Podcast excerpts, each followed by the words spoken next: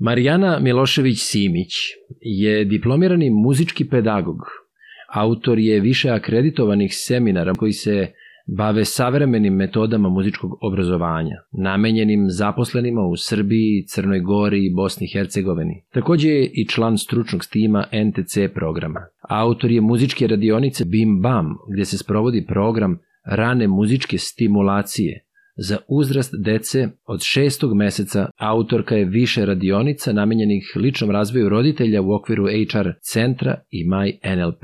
Ali pored ove zvanične najave, ja bih rekao da je Marijana Milošević Simić osoba koja živi svoju utopiju i koja utopistički veruje da svojim znanjem treba pomoći da svima bude bolje i svima bude lakše. I zato imam neverovatno zadovoljstvo i čast što mogu da razgovaram sa njom. Upoznajte Marijanu Milošević-Simić. Uživajte. Svako bi da radi samo ono što mu prija Znam da nemoguće to je, zato moram utopija Posejao sam seme, slušam, pratim da proklija Da li je odgovor za sve probleme utopija Utop, utop, utop, utopija Podcast utopija, podcast utopija, utopija Utopija podcast. Šta je za Marijanu Milošević, Simić, je li tako? Tako je. Šta je za tebe utopija?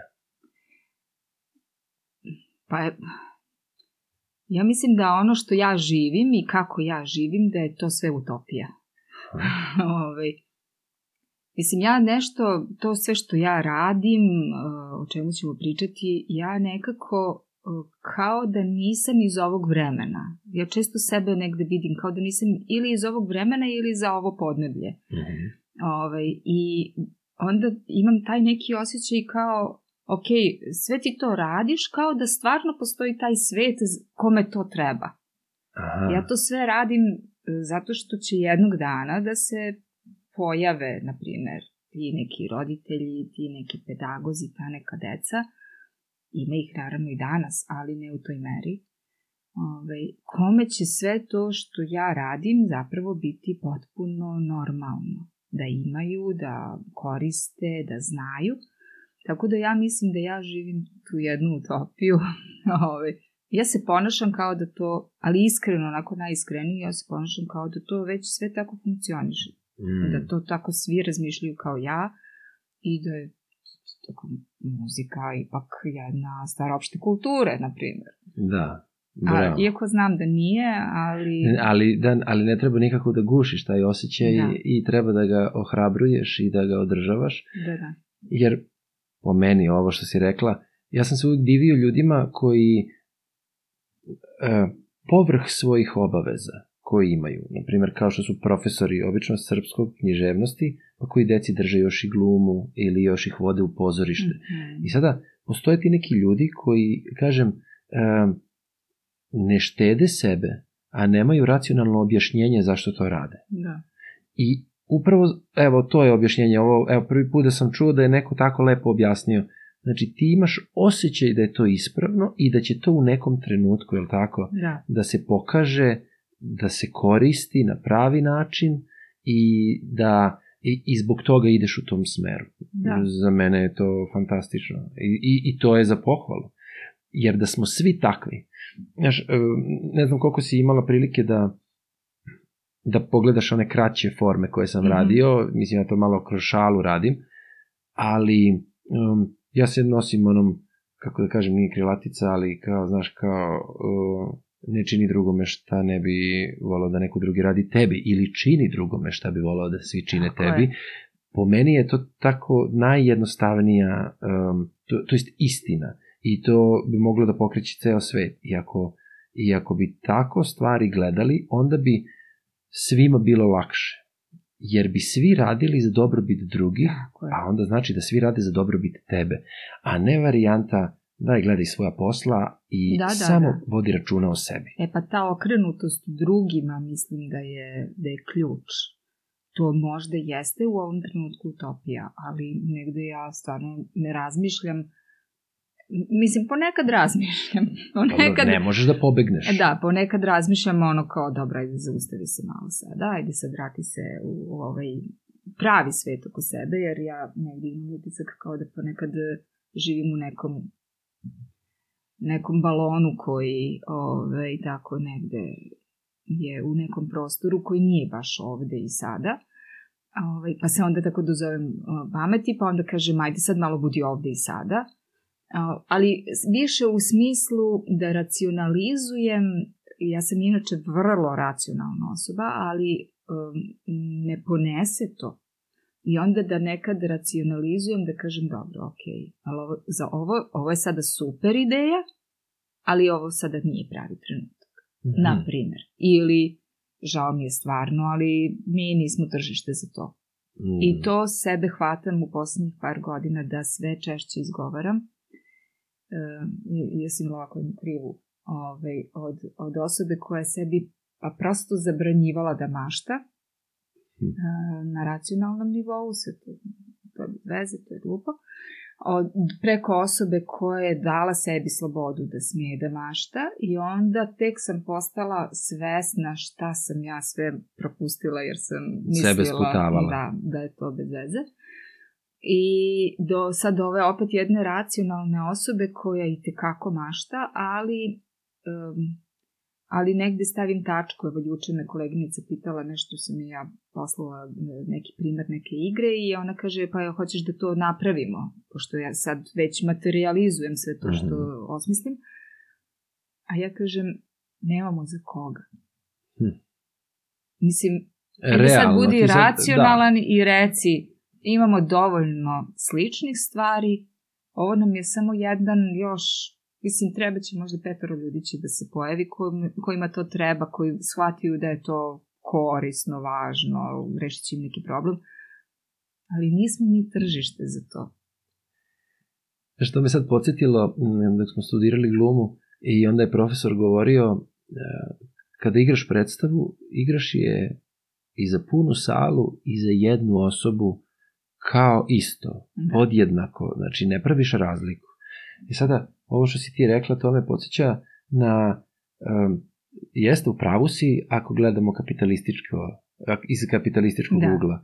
Znači, jeste u pravu čemu? Da ima sličnih stvari, ali ono nekad što kaže, ako jedna osoba progleda Da, da. Onda je to vredno. Znaš, Jeste. e sad, naravno, ovde je, racionalno, ovde su, da, da ovde su nijanse neke u da, pitanju, pa da. kao sad imaš već toliko sličnog tog materijala, a ovaj ti baš stvarno ništa neće da, značiti. Da, dobro, jasno, jasno. Prosto to sad iziskuje neke druge momente, pokrenuti novu novi način komunikacije sa ljudima, da im objasniš zašto im to treba, na kraju krajeva pokrenuti proizvodnju tog E pa to je, da, proizvoda. da, to su stvari koje... To su sad već onako, tu stvarno moraš da budeš racionalan. Ne, naravno, God, naravno. Ja sad bih da svega nisam, ima je, i da tako to tako pršti sve, ovaj, ipak. Da, da. Hajde onda da krenemo od početka. E, znači, e, kako, odakle si? Iz Beograda? Da, iz Beograda. Iz Beograda tu u Zemunu, ovaj, odnosno ja, ja sam na granici Zemuna i Novog Beograda, ovaj, kod hotela Jugoslavija, mnogi će reći najlepši deo Beograda, slažem se u potpunosti. Ove, tu sam od pete godine. Mm -hmm. Do tada smo čekali da se izgradi taj stan, pa smo tako bili svuda po, po gradu, ali eto tu smo i po potrebi sam iz Zemuna, ove, ja sam u stvari kad me neko pita, ja sam iz Zemuna, mm -hmm. ali, ove, ali moram uglavnom da objašnjam da moja ulica deli Zemun i Novi Beograd, tako da samo kad pređem do Maksija, da, da, da, da. sam već na Novom Beogradu. da, ovaj, video sam, znači ti si završila muzičke škole da, osnovne. Da, prvo sam išla u Binički, tu je bila kod Energo projekta, još uvek je tu, baš sam skoro prošla, nisam ni znala da je tu i dalje. A čekaj, jedno... zar nisu ugasili to odeljenje? Pa ja vidim zgradicu, valjda je i dalje, ne znam. Ne, ja mislim da je ugašena. Ja. E, pa dobro. Ugašena jer čerka moja ide u Binički aha, i aha. ona je tamo išla u vrtić muzički aha. i odatle je upisala uh, odatle tamo je polagala da upiše osnovnu školu muzičku i znam da je onda bila priča, pošto smo iz blokova, da li će da ide ovde u ovo B odeljenje ili kako, Aha. a odeljenje je kod Fontane. I u stvari oni su na Fontani, a, e, tamo, dobi, tamo su dobili celu zgradu, to je nekad bila ona srednja uh, škola neka, znači to je baš zgrada koja koja gleda um, na stanicu. Uh, a, Lenjin je tu bio. Ne, ne, Lenjina, to nije osnovna škola, to je bila Aha. neka srednja škola. To je u okviru onog kao, uh, SKC-a. Politehnička, A, znam, politehnička znam, je iza, a ovo gleda A, znam, znam, znam. napred, gleda napolje. Aha, tu I je. to je sad znači. cela zgrada, imaju tri sprata, imaju nekoliko, imaju učionice, svašta imaju, Da, da, da, lepo, da. lepo su sredili. Ja mislim da su oni to dobili baš, znači pre... Tu sam išla na folklor. E, sam bila tako, e da, ali to je pored u onoj Jeste, velikoj sali, verovatno, da. Da, da. Ovaj, tako da, verujem, dobro, ali Da. skrenuli smo malo. I, Da, tu, je, tu sam išla u nižu muzičku i šest godina, prvo sam jako želela i kao dete sam bila nešto baš ovaj, dosta bolesna po bolnicama i sve to. I, ovaj, I onda moji nisu hteli da pristanu na to da ja upišem muzičku školu, iako mama se bavila muzikom, tata. Kao to je sad još dodatno za mene Napor, kao. napor i to sve. I, ovaj, ali ja sam tako insistirala i na kraju sam isterala i upišem a, muzičku godinu dana kasnije nego što je kao neki propis koji danas važi potpuno jedna besmislica. Ovaj, a, imala bih dobru argumentaciju da objasnim zašto, ali Mhm. ne moramo sad. Ovaj, uglavnom ja sam to tamo ovaj, upisala i već prve godine moja profesorka klavira je napravila jednu a, katastrofalnu grešku, pedagošku, I ja sad vrlo često na seminarima pričam o, o tome da prosto dam ljudima jedan uvid u to kako neko iz najbolje namere može da pogreši vrlo ozbiljno, Mm. a ona je sigurno sam imala najbolju nameru, ovaj, dolazila je inspekcija. Mhm. I ona je meni najavila da će inspekcija doći u toku neke sledeće nedelje. I, ovaj, I da bi ona ver, verovatno mene onako motivisala da sad ja još više vežbam, pa da ja tu briljiram Aha, na to tom nekom času. Ona je meni rekla rečenicu uh, da još uvek se dvomi da li da inspekciju dovede kod mene na čas ili u Ja. suprotnu smenu kod izvesne Nade Matijević. Nada Matijević je moja znači, drugarica Da. koja predaje, mislim, Jasno. završila klavir i ona sve. Ovaj, e, divno jedno stvorenje, ali ona je meni tada tako ubacila u mozak kao ima neko bolje od tebe. A ja sam u to vreme bila ili si najbolji ili uopšte me Ne baviš se, da, da, da. Uopšte se trudiš. E, Ispostavilo se da da je napravila grešku jer se ja lično tako ne motivišem. Ona samo trebalo da stavi tu tačku da kaže dolazi inspekcija i Da. ja ću ih Nije- pozvati da dođu kod tebe. Ne mora ništa da me hvali ni ništa, Nije- ja ću dovoljno nije da, te razumem. upoznala dovoljno, dobro. Da. I ja to stalno pričam kako ovaj, ta motivacija je bila pogrešna, jer ja sam uh, bila i ostala neko ko se motiviše rezultatima, nečim što je ispred mene, nešto što će se tek desiti. To me vuče napred, Mhm. ona šargarepa. Mhm, mhm. A nisam ono dete koje ćeš kaznom da, Da, da, da. Ovaj, uh, da, To će da probudi motivišeš. prkos možda i inac. Da, da, da. Ali ovaj, i tako ja sam onda životarila u toj muzičkoj školi. Na solfeđu sam uvek bila super, imala sam fenomenalnu profesorku koja je sada dirigent u Narodnom pozorištu i ja stalno kažem da je ona, Zorica Mitev, da je ona ovaj, s nama vežbala u stvari. Ona sigurno ništa nije znala šta treba da radi, ali je tokom tih pet godina koliko je nama predavala, ona se izvežbala. I mi smo tako u šestom niže, ona donese, tad je radila kao korepetitor u operi, i ona nama donese e, partituru. Stvari, ona vežba. Da, da, da, ona pa da. kaže, ajde, pevaj ovde. Što mi znamo, mi mislimo Da, to da, tako, tako svi. treba, da. mislim. Tako da je ona stvarno, ona je najviše uticala na to da se ja ovaj, a, dalje uputim u te vode i da nastavim u muzičkoj školi. Ona je meni je na jednom času, ja sam nešto bila oslobođena solfeđa, dobila neku saveznu nagradu i, i ne idem više na solfeđu i ne viđam je.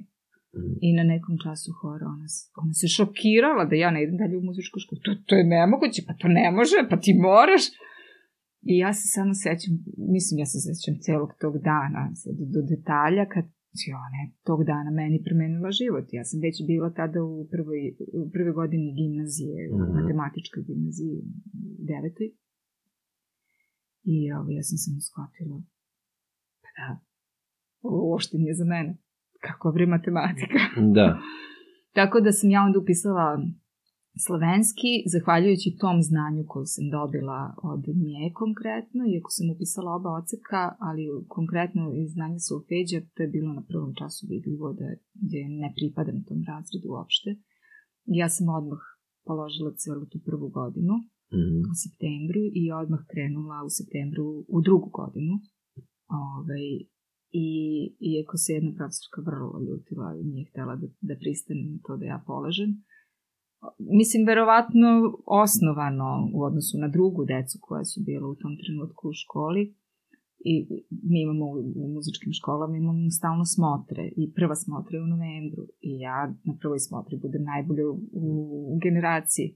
I tu im bude valjda jasno da zapravo nisam ja neki talenat nešto sad vanredno, Ne, daleko samo od si- toga, ali sam naučena i prosto mnogo sam to volela. Ja Da. sam uz Zoricu naučila da volim solfeđu, zato meni jako danas čudno, ne danas, nego mi čudno ceo život kad neko kaže ne voli solfeđu, kako može to se ne voli?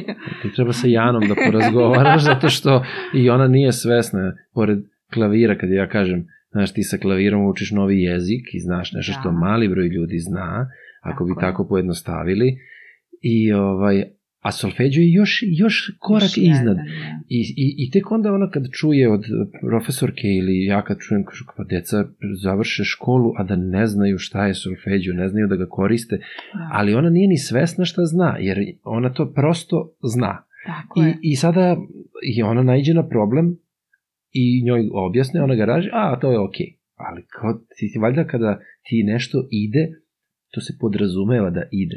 Pa I uzima zdravo za to je, to gotovo. je nezgoda uh, kad je Una, moja mlađa čerka, kad je ovaj, ona htela da napusti muzičku školu u nekom Mhm. trenutku, a bila je već treći srednje.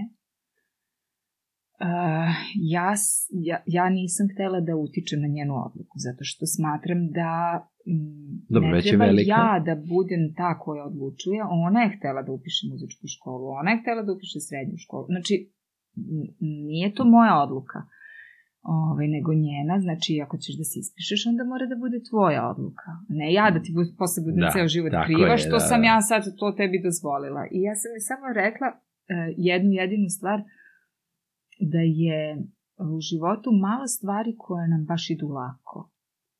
Nema, I ne treba baš tih stvari da se odričemo tek tako. da. Jer m, za mnoge stvari u životu mi moramo da naučimo, moramo da uložimo neki silan trud, nešto nam se baš ni ne sviđa da učimo, nešto baš ne znamo svrhu zašto učimo. Ali Mm. neke stvari koje ti idu lako, pa to je, stva, to je, to je veći dar da primetiš da ti je to onako ti se podrazumeva i da to iskoristiš na neki način, ne, mislim u nekom negativnom smislu, nego baš naprotiv, u nekom pozitivnom smislu da iskoristiš to što ti nešto baš ide lako. Mm. Jer na kraju krajeva, kada bi se tako ljudi okupljali u timove, gde svako radi ono što njemu ide lako i što mu je negde ono, Najbolji u tome. najbolji u tome, taj tim nema, nema šanse da, Pa da naravno. uspe. Svi se upotpunjuju i onda je rezultat savršen. Tako je, tako je, ja ću tebi da prepustim. Ja sam dobra u tom nečemu, ali ti si bolji. Tako je. Pa zašto ja da uložim, ja, ja sam u nečem drugom bolje. Ja ću to, a ti preuzmi. Ali i ego je tu malo Dobro, da, to je sad drugi jedna segment. tema. Ove, ali uglavnom, uh, ja sam posle, akade, posle sam završila akademiju i dok sam bila na akademiji sam počela da radim na televiziji, na RTS-u. A čekaj, a, e, samo malo. Um, znači, završila si uh, srednju muzičku, Pa uh, to je slavenski, je li tako? slavenski, to je u da. Zemunu ova gimnazija? Ne, ne, E, to je na Vračaru, gore... A, e, da, na bulevaru revolucije ispod, iz... ispod Crvenog krsta, ona jedna stanica pred Crvenog krsta, ovi, kod GSP škole, Aha, jedna pored mhm, druge su. mhm. Bužidarađi je bivši. Da, da, da, da, da, da, da. I, ovaj, I onda si posle, znači, upisala... Posle sam upisala akademiju, sam tako ovaj, išla, pošto sam polagala taj teoretski ocek ranije, to znači sam u septembru prve godine odmah dala, a klavirski sam bila onda prva godina, a teoretski sam bila druga Mhm. godina i tako sam išla paralelno Oba. dva oceka sve vreme u školi i onda sam prvo upisala teoriju na, na ovaj, akademiji, a onda sledeće godine kad sam klavir završila, onda sam u nižoj muzičkoj, u srednjoj muzičkoj, onda sam polagala za klavir? Na, e, ne, orgulje sam upisala. Ovaj, na akademiji, tako da sam onda išla ta dva ovaj, Paralelno. paralelno. Nisam nikad diplomirala orgulje. Iako ovaj, sam stvarno mnogo volela. Ja sam negde u stvari volela to što je drugačije. Mhm. Nešto je drugačije. I meni je to tako bilo kao Viš, ovo... ne radi svako. O, da, to ne može svako. Meni svakako ne može niko da kaže da sviram ko nogama, Da. jer sviram i nogama. Ali, ovaj, ali, nažalost, mi smo vrlo brzo posle toga, to je bilo 91. Mhm.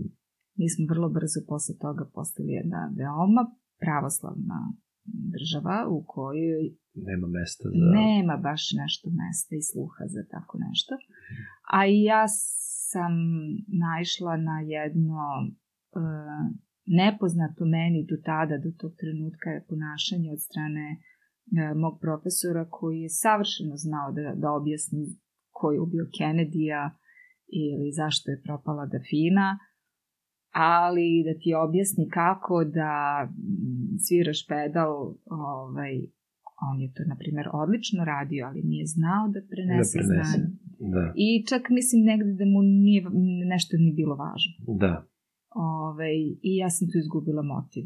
Mhm. To sve zajedno, počela već i da radim i tako nekako. Da. Nije više bilo vreme za to. da, da, da, da, da. I onda si, upis, onda si se zaposlila, kažeš? Da, onda sam počela da radim na RTS-u, prvo u beogradskom programu, jednu godinu i po dana, ono, jutarnji program, a to je bilo... A šta si radila? Pa, pripremala muziku za, Za- emisije, to je tako da ispečeš zanad kako se Da. to radi, mislim malo da pratiš kad ti dođe neki gost pa sad svira pa da kažeš u režiji, da kažeš e, mikseru šta da bode koje kamere, mislim, Mhm. prosto da, da ne snimaju pogrešnu osobu ovaj, u pravo vreme i ovaj, I to je bilo jako, mislim, lepo je to bilo, neki novi svet, neki novi ljudi. Ako televizija, znaš, već taj, taj, taj svet, to ti ulazi pod kožu za čas. Mhm. I teško je da se izvučeš iz toga. Ja sam nekih um, uh, pet godina radila uh, intenzivno, prešla sam posle muzičku redakciju. Tamo sam već imala mnogo ozbiljnije ove, zadatke. I nedelju dana pred bombardovanje televizije sam dala otkaz, kad je bilo jasno da smo mi tu ove, iz nekih drugih potreba, ne zbog toga da im treba program. I vratila sam se 2001. ili 2002. kad sam se porodila sa, sa starijom Larom i ostala sam tako do 2005. Mhm. I onda je tu presečeno sve, onda ove, promena vlasti, onda mi smo svi dobili ove, otkaze i, i tako, posle sam malo radila još ovaj, na Koševi, na Happy-u i jednog dana sam samo prestakla i rekla ne više. Mhm. Nije me više ništa motivisalo, nisam mogla ja da rastem, nisam više videla, mm, nekako mi je sve bilo isto. Mhm. A rekoh ti malo pre, ja Da. volim drugačije. Da. Nema više izazova, tako nekako mi je sve to bilo mm, ljudi sa kojima, ne ljudi sa kojima radiš, to ja tu stvarno nikad nisam imala problem, Ovaj, ali em, i ljudi za koje radiš i ljudi koji dolaze, a tako, velike su zvezde, Mhm. mislim, velike zvezde su zaista velike zvezde u svakom smislu. Mhm. A ovo ostalo što dolazi zapravo u televiziju, to sve, To je, da. to sve nisu zvezde. I onda, uh, jel možeš sad da se setiš tog trenutka kada si odlučila i rekla sebi u redu, sada moram da presečem i O, da, Znam tačno kako je bilo. da počnem da radim nešto konkretno, upravo ovu utopiju koju si e, Da. tako lepo objasnila. Pa ja sam uh, negde 2009. Uh, znači, tad sam već ovaj, radila na, na Happy-u. Ja sam počela da držim seminare zaposlenim u obrazovanju. Ovaj, znači, u našem sistemu uh, postoji licenca za sve koji rade u obrazovanju sa decom od jaslenog uzrasta do fakulteta da moraju da obnavljaju licencu na, na nekoliko godina i oni moraju da pohađaju određen broj sati stručnog usavršavanja koje odobrava ministarstvo. Mhm. A, I te 2009. Silvana Gruć, moja koleginica i prijateljica, i ja smo ovaj, dobile prvu akreditaciju za prvi seminar multimedijalna muzička radionica. I tako smo se upustile u to um, učenje odraslih. Mhm. Mm, Znala je to da bude vrlo zanimljivo kada neko ko nema dan, ja, ja sam imala, uh, ja sam radila i u privatnoj gimnaziji, radila sam paralelno jedno vreme i u 14. gimnaziji predavala sam muzičko i ovaj, tako da sam imala bar nekog Iskustva, uh, iskustva sa pedagogijom, da, da. ali je bilo jako čudno ovaj, da neko ko praktično nema Silvana, ni nema toliko, ovaj, da dođe zaposlenima, svi su zaposleni u obrazovanju i sad mi njima pričamo kako treba da rade. Da. I tu je stvarno moralo da se nađe neka dobra mera, da se oni ne osete e, ni na koji način ugroženi, jer ja uopšte nije mi to bila namera. Da, sueta već Da. i da. A, bilo je nekoliko tako tih izazova, ali oni su stvarno, mislim, shvate ljudi posle nekog vremena da smo mi ozbiljan trud uložile, da saznamo ono što oni nisu, iako rade taj posao. Da. I onda tu nas puste. Puste nas da kažemo šta imamo. Sad koliko će da primene, to je za već druga to je priča, individualno, ali tako je. To nije već naša odgovornost. I uglavnom ja sam tu već bila poprilično ovaj, a, dobra u tim vodama. Prepoznala sam ja da sam ja dobra u tome. Ovaj, I e, jednom happy, znači radna nedelja se završava, petak je i nismo imali nikakvo snimanje i ja sa jednom koleginicom koja je radila u artu, ona mi pokazuje šta ona radi, privatno. I ja fascinirana. Znači, taj dizajn, ona mi pokazuje nešto kako je za neku banku radila kompletno vizual. vizual. I ja njoj kažem, ja Daša, pa šta ćeš ti ovde? Pa zašto ti radiš uopšte ovde? Pa vidi kako si kreativna, pa pogled. I ja sam bila tako fascinirana i, i sedimo sad nas dve i pričamo i meni zvoni telefon. I zove me a, direktorka regionalnog centra za obrazovanje u Kanjiži. Sa njom sarađujem evo 12 godina. I ona mi tada kaže, kao Marijana, samo da vam javim, znate, vaš seminar je izabran za najbolje, najbolji seminar održan u našem regionalnom centru prošle godine. I ja sad onako kao hvala, ovo ono, ništa prekidam vezu. I Daša sad pita kao šta je, šta je bilo? I ja joj sad kažem, a ona meni ovako kaže, dobro ženo, šta ti radiš ovde? Našli ste se. I ja tu shvatim, to je bio petak, pet popodne, i ja tu shvatim da je vrag odnao šalu i da to više tako ne može i u sredu smo se mi potrebili.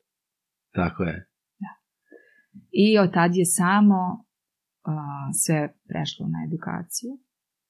Znači, a, samo seminari, umeđu vremenu sam otvorila a, prvu muzičku radionicu za bebe, Uh Bim Bam, A bim bam, to sam ja Mhm. pogrešio malo pre, Da. da je. I e, nakon toga sad evo već, ovo je sad deveta godina Bim Bama, 13. godina seminara i onako stvarno za ovo vredi živeti. Da. Makar bila i utopija. Pa dobro, ali um, hajde, hajde objasni nam. A, znači, kada sam te zvao, rekla si da da li da poneseš neki materijal i to sve, a pošto tehničke mogućnosti nisu Da. takve da možemo sad da, da to Da, prikažemo, ali u svakom slučaju u opisu videa će stajati svi linkovi koje mi proslediš vezano za to gde će ljudi moći da posete sve to i da Mhm. vide i eventualno da te kontaktiraju. A, ali probaj da mi objasniš, eto ja sam jedan od, od Mhm. lajka koji bi stvarno želeo da zna, eto, ako ništa drugo, kako da pomogne svom detetu, jeste ono veliko, ali opet spada u tu, Da, u da, ovaj. da. Ali kreni mi od početka, e, znači, kako si prepoznala, to i mene interesuje, postoje i pozorišne predstave za decu od šest meseci. Da. E, ja ih nisam gledao, čuo sam o njima tako lepe stvari i, i znam kolege koji rade tu predstavu, ali prosto, eto, nisam imao priliku da do- gledam. Još, da, da. Da. I nisi doživeo verovatno E, tu da, potrebu. da. Ne, ne, ne, potrebno. Da radiš ne, tako nešto. Ne, ne, ne, ne, ne, ne, ne, nisam se upoznao A, sa da. tim, nije da se nisam da. doživio, verovatno samo zato što se nisam upoznao i mhm. splet okolnosti.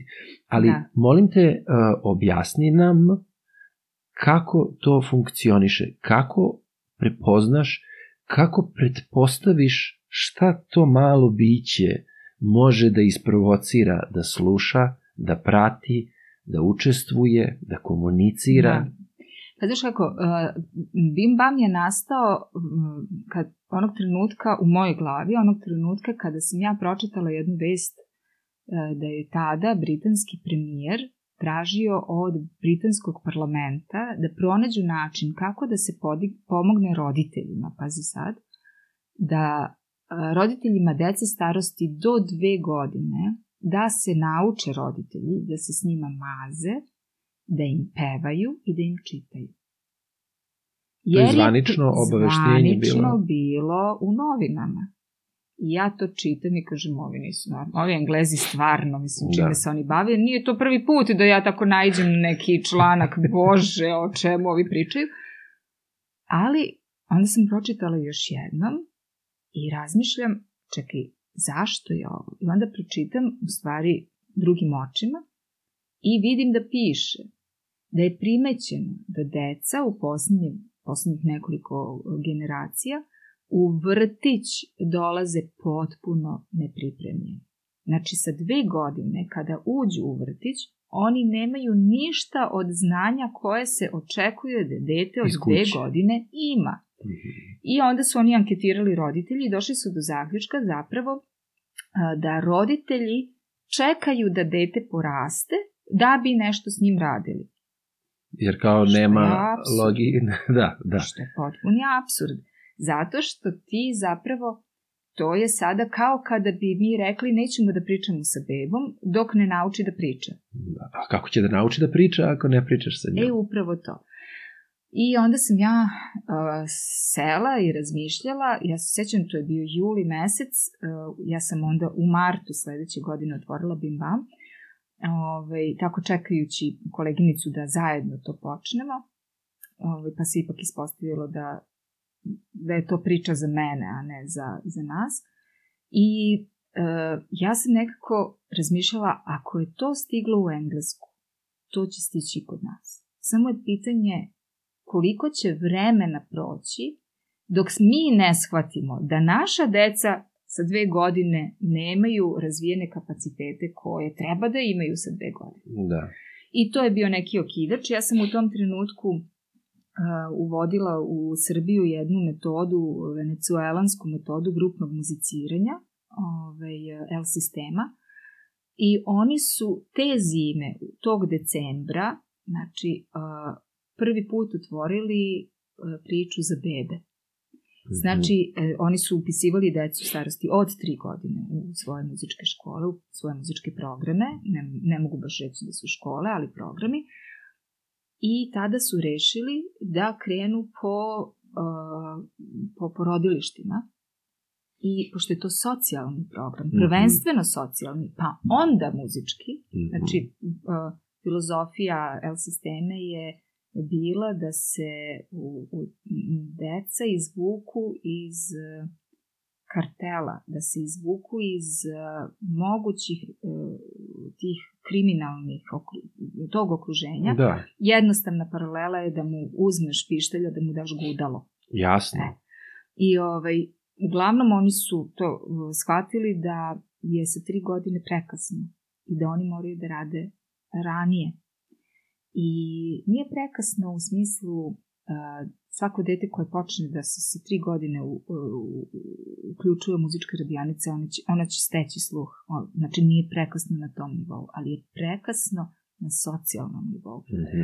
I onda su oni ušli u porodilište i pošto uh, niko do pre dve, tri godine nije smeo da takne L sistemu, znači 50 godina niko nije smeo da takne L sistemu, Ove, bilo koji političar da je bio na vlasti, to je bilo jedino što se ne dira. Čekaj, to je govoriš o Venecueli? Sada, pričamo o Venecueli sada. Znači, ove, oni su o, onda ovaj, dobili dozvolu, da mamama ponude da one potpišu jedno pismo kojim se obavezuju da će do treće godine povremeno kada god su u mogućnosti da dolaze na muzičke radionice, na koncerte za bebe Sjaj. i sve to što će oni već praviti ovaj, u lokalnim zajednicama, a da onda, kada napune deca tri godine, da se priključe program i da sviraju i šta znam.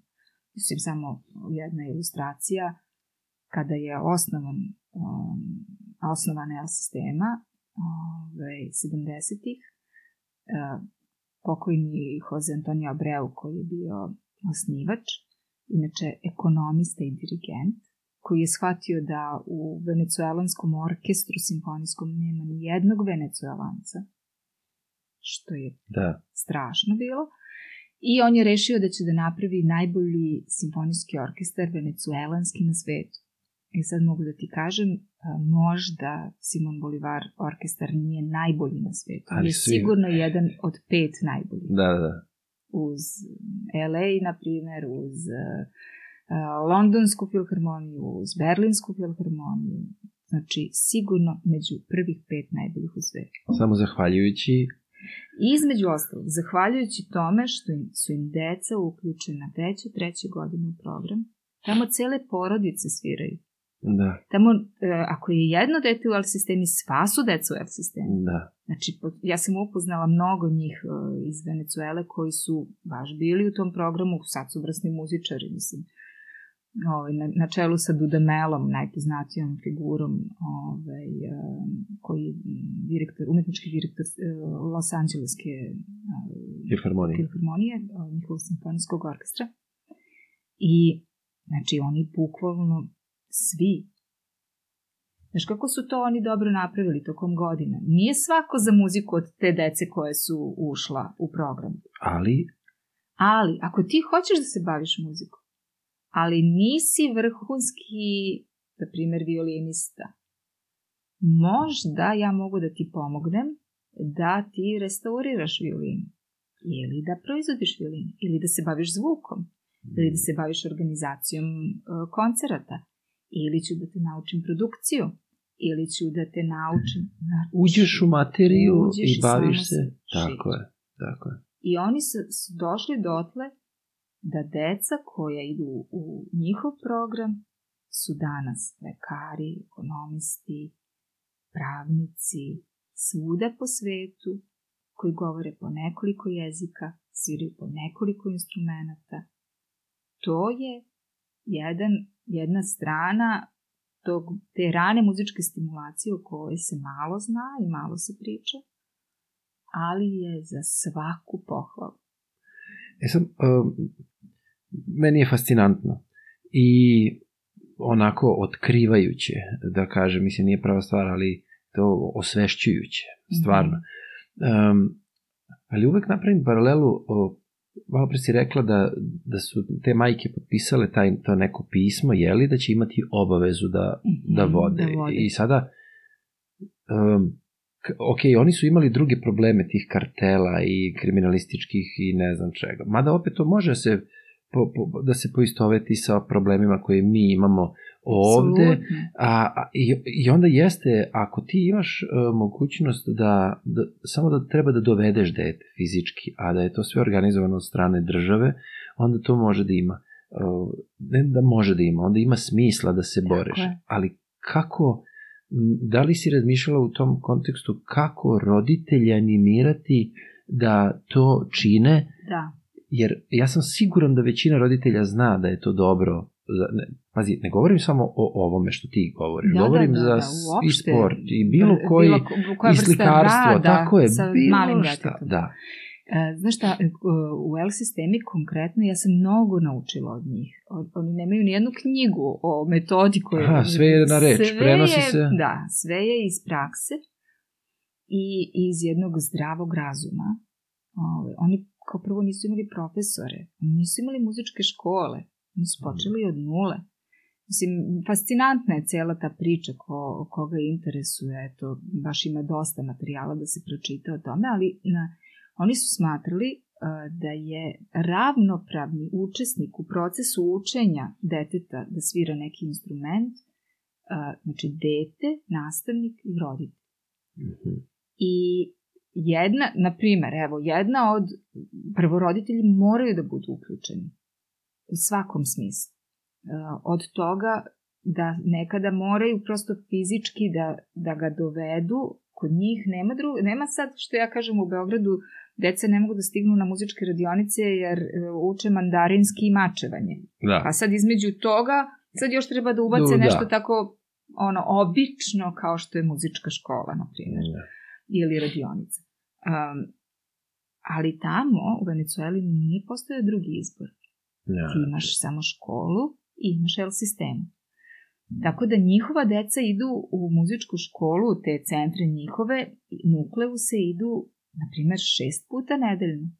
Da. I budu tamo po nekoliko sati. Da, da, znači, da. kao što naša deca dođu kući, jedu i onda idu na engleski, na, na ne znam da. šta sve. S tim što njima to država organizuje, kao nama što je, što smo ne, u doba što smo juge. onaj tako produženi je, da, boravak, pa u produženom boravku si imao svašta, pa sam ja išla Fotografiju na folklor, neko je folklor, išao na ritmičku je. gimnastiku, ne, šah, ovo. Ša, e, tako je. Ne, sad e. samo plaća, isto to ima, isto samo se plaća. Isto to samo da. se plaća i što nije na jednom mestu, nego ti sad po helikopter da. voziš decu ovaj svuda redu.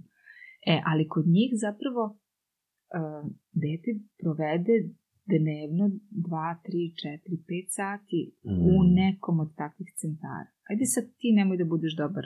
Tako da je. Se toliko da, da. Zato što to sati. postaje deo tebe. Pa da. Ti dišeš to. Apsolutno. I onda je nebitno da li ćeš se baviti muzikom. Potpuno je nebitno. Zato što uh, dete zapravo u tom nekom malom uzrastu, a to je posebno primetno kod beba, uh, u muzici prepoznaje šemu prepoznaje obrazac, prepoznaje jedan kalup koji se ovde nalazi, ali nalazi se i ovde. Idete ga samo prepozna, aha, pa to je isto. E, to, toga u muzici ima na pretek. Mislim, evo najjednostavnije strofa i refren.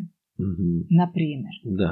Dovoljno je da, da ti posmatraš jednu bebu koja sluša neku pesmu i koja reaguje različito na strofu i na refren to, je, to će svaka beba da ti pokaže. Da. Na neki način će ti pokazati.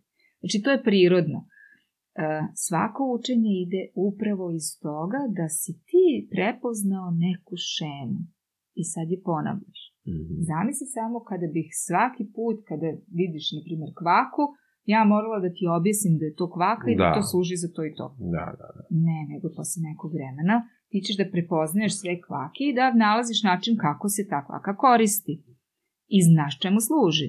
E, tako isto s ovim šemama. E, kada dete nauči da prepoznaje obrazce, nebitno je onda u čemu je taj obrazac. Da li je u futbalu, da li je u mhm. stranom jeziku, da li je u matematici.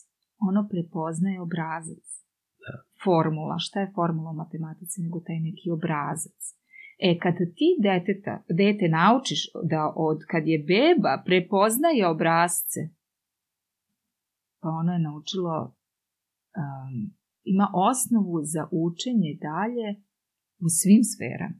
Mm -hmm. Samo zato da te podsjetim, na primjer, kad je Jana bila mala, koliko puta si morao da čitaš jednu istu priču, jednu istu bajku, I ne daj Bože da preskočiš neku stranu. Misliš, da. ona je sad da, malo zavrema, kao sad ćeš da je poturiš da preskočiš. Ne, ne može. Da. U ovom našem haosu od sveta u kome živimo, jedno malo dete sve osim onoga što mu je poznato doživljava kao haos. I hvata se za ono što mu je sigurica, za ono što mm. već zna. Znači, znam taj redosled reči u rečenici, nemoj sa to da mi kvariš. Da. Ja znam da će sad doći lovac i ubiti Vuka i osloboditi baku i crvenkapu. Nemoj sad da mi kvariš to doći će vreme naravno kada će da, deca želeti da, da, da, da, se ta bajka promeni, ali u tom nekom ranom uzrastu to je jako deca se sakriju ovdje, sad igramo žmurki, sakrije se tu ispred, ispred, ispred ove da. zavese. I prvi put mu to prođe. Da, da, da. Ali sledećih 26 puta je ona iza te zavese. Da, da, da, da, da, da.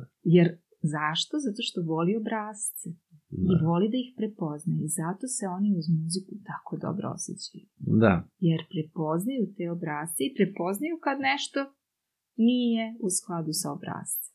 da. E, I to je zapravo jedna od stvari koje su jako važne da roditelj prepozna da, e, da treba da, da da kao neku putanju kojom će njegovo dete da, da ide. Ja sam to prepoznala, ja kad sam pročitala te članak u novinama, ja sam znala potpuno da ja to moram da otvorim kod nas, neki centar, nešto, neku radionicu, da ja proverim, jel istina ono sve što ja pričam na seminarima Mhm. za početak. A onda i da, da nekako vidim šta bih ja mogla tu da uradim. Još dodatno sa svim tim novim znanjem koje sad imam, meni su Lara i Una tad već bile devojčice. Ja to s njima nisam radila na taj način. Nisam znala. Da, Ja sam to kasnije naučila. da, da, da. Naravno sam ja neke stvari mogla da primenim i u kasnijem uzrastu, daleko od toga da nisam, ali uh, ne mogu sad da kažem ne šteta je što nisam znala. Mislim, Dobro, neke stvari sad? dođu kad dođu. I... Došlo je tako i gotovo, ne možeš sad se žalim. Ali um, meni je to bio, Bim Bam je meni bio poligon da ja vidim da to stvarno radi. I onda mogu da ti kažem da sam ja toliko puta bila iznenađena da to radi mnogo bolje nego što ja očekujem.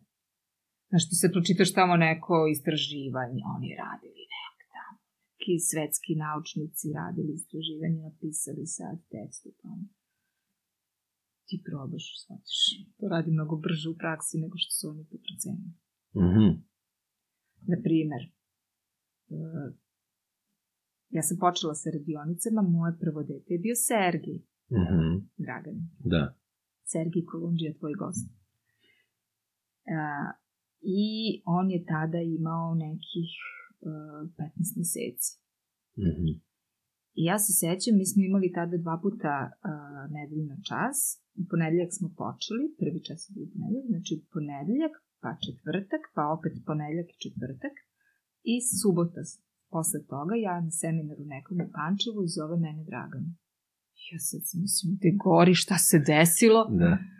Ovaj, a ona meni kaže, pa ti nećeš verovati, ali Sergej je skočio kada je čuo pesmu Razbole se lisica, skočio je da napravi koreografiju kao što je na času. Nema tu neke koreografije, Jasno. ali za dete od o, 15 15, meseci je jako zanimljivo. Ne samo to što je on prepoznao, zna on tu pesmu, nije to njemu novo. I ovaj, I nego, nego ta pesma koju mi pevamo na radionici, ja sam insistirala na tome da oni drže ritam, da pljeskaju ovaj, kad treba, on je to posle dve nedelje pokazao. Da. Bebe nemaju baš običaj da ti pokažu sve što su naučile. Da. Nemaju kapaciteta, nemaju baš ni potrebe. Ali je meni bilo fascinantno da on posle dve nedelje može da prati muzički ritam što ne piše ni u jednoj knjizi koju Dobro, sam ja ikad pročitala. Da, da. Tako da hoću ti kažem, to je za mene stvarno bio poligon. I potvrda da nastaviš da ideš u tom Potvrda smeru. Da idem dalje, da bih ja onda iz iskustva mogla ljudima da prenesem šta je to što oni mogu da rade. Jer ja dođem u neki vrtić, tamo ima 30 vaspitačica. Mhm. Neka me dve poslušaju. Ali te dve rade sa njih 60 dece. Mhm. Iz generacije u generaciju. To je već napredak. Tako je. I to onda više nije utopija. To je onda... Tako je, onda počinje da, e, da se da cveta, da buja. Tako. Znači, a ne da bude utopija kao korov koja se sklanja, a sve Tako drugo da bude normalno. Tako je. Tako. E, šta si rekla, e, koliko bimbam, e, kada si počela da radiš? Znači, ako Evo sad Sergej je ovo imao... deveta godina. Deveta godina. Deveta godina. pomenula si Sergeja, jel imaš još neke dece? Imam? Vanju Žikić. Sećaš se Vanju Žikić? Mm. Ovaj, ne znam u stvari, možda ti još nisi radio sa njom. A, Ne, ali- Relja, nje, Relja, njen stariji brat. E, hoću ona, da, da pitam, zašto? već imaš decu? Da, već e, imam decu koja su sad, e, kako da ti kažem, Tinejdžeri? ne, nisu još tinejdžeri, ne, znači najstariji je god- praktično Sergi i Vanja su najstariji. Aha, to je znači oni devet sad godina, 10 godina, deset godina. praktično. Ove, sad će, mislim, 10. Um, na primer, Vanja, isto koleginica, e, ko, kolege i koleginice moje ove, muzičari su oni. E, njihova čerka je na, kad, Dolazila. kad, gled, kad budu gledali ovaj, e, tamo. Bim Bam, vidjet će dečaka i devojčicu ovaj, na logo, Aha, to su Sergej i Vanja aha. ovaj, za klavirom. Um, Vanja, na primer, peva u Madlenijanumu. Jeste, Stvarno? Da, ovaj, glumi. E, njoj smo, mi smo shvatili da ona ima apsolutni sluh e, pre treće godine. Mhm. E, to je sad malo škakljiva stvar i ne bi, ne bi e, bilo korektno da ja kažem da je to zbog bimbama.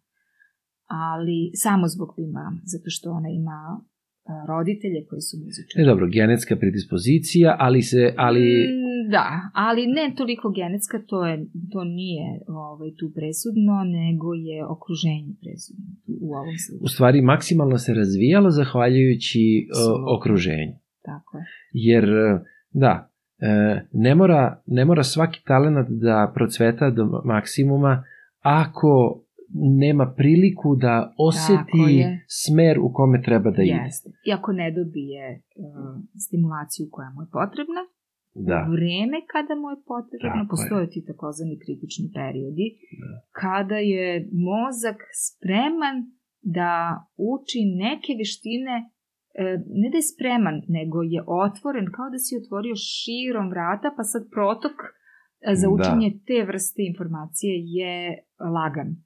Mhm. Može to i kada su odškrinuta vrata, Da. ali ide komplikovanije i dete to uvek pokaže. Mhm. Na primer, znaš, ono, ima onih perioda o, u, kada deca, a, na primer, vole da se vrte u krug. Da, da, da. ili da. da skaču, ili da idu u zivicu neku, pa da ravnotežu. Ovaj. Ili, na primer, a, vole u onim, am, a, onim igra, na igralištima oni, ona jaja ili ono, one neke... Da, kad se vrti u kad se krug, vrte. da, da, da. Znači, imaš periode kada im je to fascinantno. Da, Na primer, ljuljaške. Kada su im fascinantne ljuljaške i klackalice, onda postoje ništa. da. I tačno ti dete kaže kada je koji kritični period, kada se u mozgu neki deo ovaj, upravo organizuje. E tako i za, za muziku, i za govor, i za sve veštine e, postoje ti kritični periodi, neki su kratki, neki se ponavljaju, neki su dugi.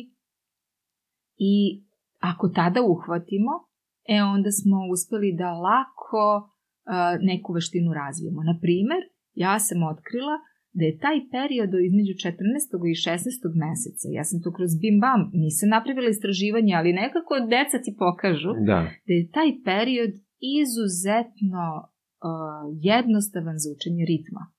Mhm. Jer meni deca konstantno u tom periodu počnu da pljeskaju u ritmu muzike. Ali naravno mora neko da im pokaže. da. Imala sam jednog malog ove, koji, Vukša koji kad je došao na prvi čas okrenuo je ove, sve one kutije od Nescafe koje ja koristim za neke igre, okrenuo ih je naopako, uzeo štapići i počeo da, Da udara bubnjeve. udara bubnjeve. Sad ja gledam dete, ko velim, mali je opasno dobar. Da. Znači on tačno dve godine ima u tom trenutku koordinacija leve i desne ruke na veoma zavidnom nivou Mhm. Praćenje ritma na izuzetnom nivou. I ja na kraju časa pitam roditelje, koga je učio? Da. I su da oni, ko pa mi, ko pa ovo mu je prvi čas, pa onako zbunili se. E, mama je vaspitačica, ali ne radi, e, nije zaposlena. E, tata je u IT, ne znam tačno šta. I ovaj, ja kažem, ali znate, e, mi se svi rađamo bez ritma, bez muzičkog ritma, njega učimo tokom godina, do neke osme godine otprilike. Ovaj, rekao, ovo nije urođeno. Znači, Mhm. ovo je negde naučio, samo me interesuje gde. I tata ovako spušta glavu i kaže, a ja sam hteo da budem bubnjar. pa ga je malo, a? I onda on verovatno po kući... Kroz igru, da. Da, njemu je to prirodno. Da, da, on da. to stalno radi. I dete gleda, Dete pokupi. gleda samo pokupi. Tako je.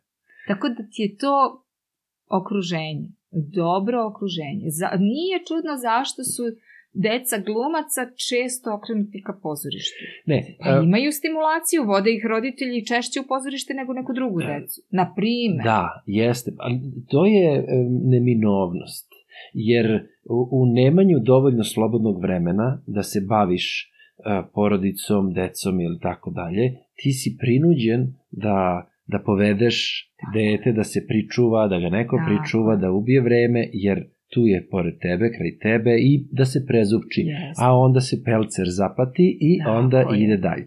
Ali ono što mene interesuje, a to uh, ne da me interesuje, nego to što je za prepoznavanje i osvešćivanje kod ljudi, a to je ovo što si rekla, da, da mi treba da preventivno se bavimo time, a ne da prepuštamo slučaju. Ne. Jer na, ako, ako bi išli stalno u tom smeru, zašto deca glumaca se, se interesuju za glumu, zašto deca lekara se interesuju za medicinu ili građevinaca za građevinu Da. i tako dalje, onda bi došli samo do toga da ideš uvek u smeru gde su ti roditelji išli.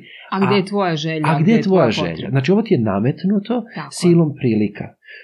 Sad me interesuje, tebi posle bim bama, ja pretpostavljam, ti si kasnije krenula i u te druge radionice vezano za, za odrasle, odnosno, ili je, kako je to bilo? Pa ne, to je zapravo Ili je e, išlo- i odatle je krenulo, ja sam znači paralelno vodila, držala seminare, to se proširilo, više nije bilo samo Srbija, nego i Crna Gora i Hrvatska i Bosna. Ovaj, onda je korona donela i da bude Da. i cela Evropa. Ove, ali e, generalno e, ja sam ja vodim dve te linije. Jedna je rad sa odraslima e, i jedna je rad sa decom. Izvini, rad sa odraslima, to su vaspitači, nastavnici, koji se Nastavnici, bave decom. koji se bave decom Dobro. na različitim nivoima i njihovog i, i godina, uzrasta dece i njihovog, da kažem, znanja muzičkog. Mhm. jer neko radi u vrtiću sa decom, a neko radi u muzičkoj radionici sa decom. Da. Sa možda istim uzrastom, Jasno. ali prosto ovaj, različite stvari rade. E, to je malo onako, zna da bude problematično kada imaš 30 ljudi ispred sebe, a oni svi imaju različite potrebe. Pa da. Ali dobro, ovaj, to- je posao, pa nađeš načine kako da im svima priđeš. A, ali paralelno sa tim, znači ja držim te muzičke radionice ovaj, i e, ja sam sad krenula već, ovo je sad ja mislim peta godina, više ne znam, ovo, korona me skroz sa tim godinama Da. ovaj, poremetila, ali mislim da je ovo peta godina od kako sam otvorila Bim Bam centre po regionu. Znači, Mhm. prvo je krenula, ovaj, krenuo bar eh, Crna Gora, pa sam onda otvorila Loznicu. Loznica nam je najveći centar, tamo imamo pa ne znam, tako, sedamdesetak Mhm. klinaca, konstantno, ovaj, plus decu iz vrtića, znači to je sad već jedna ozbiljna cifra.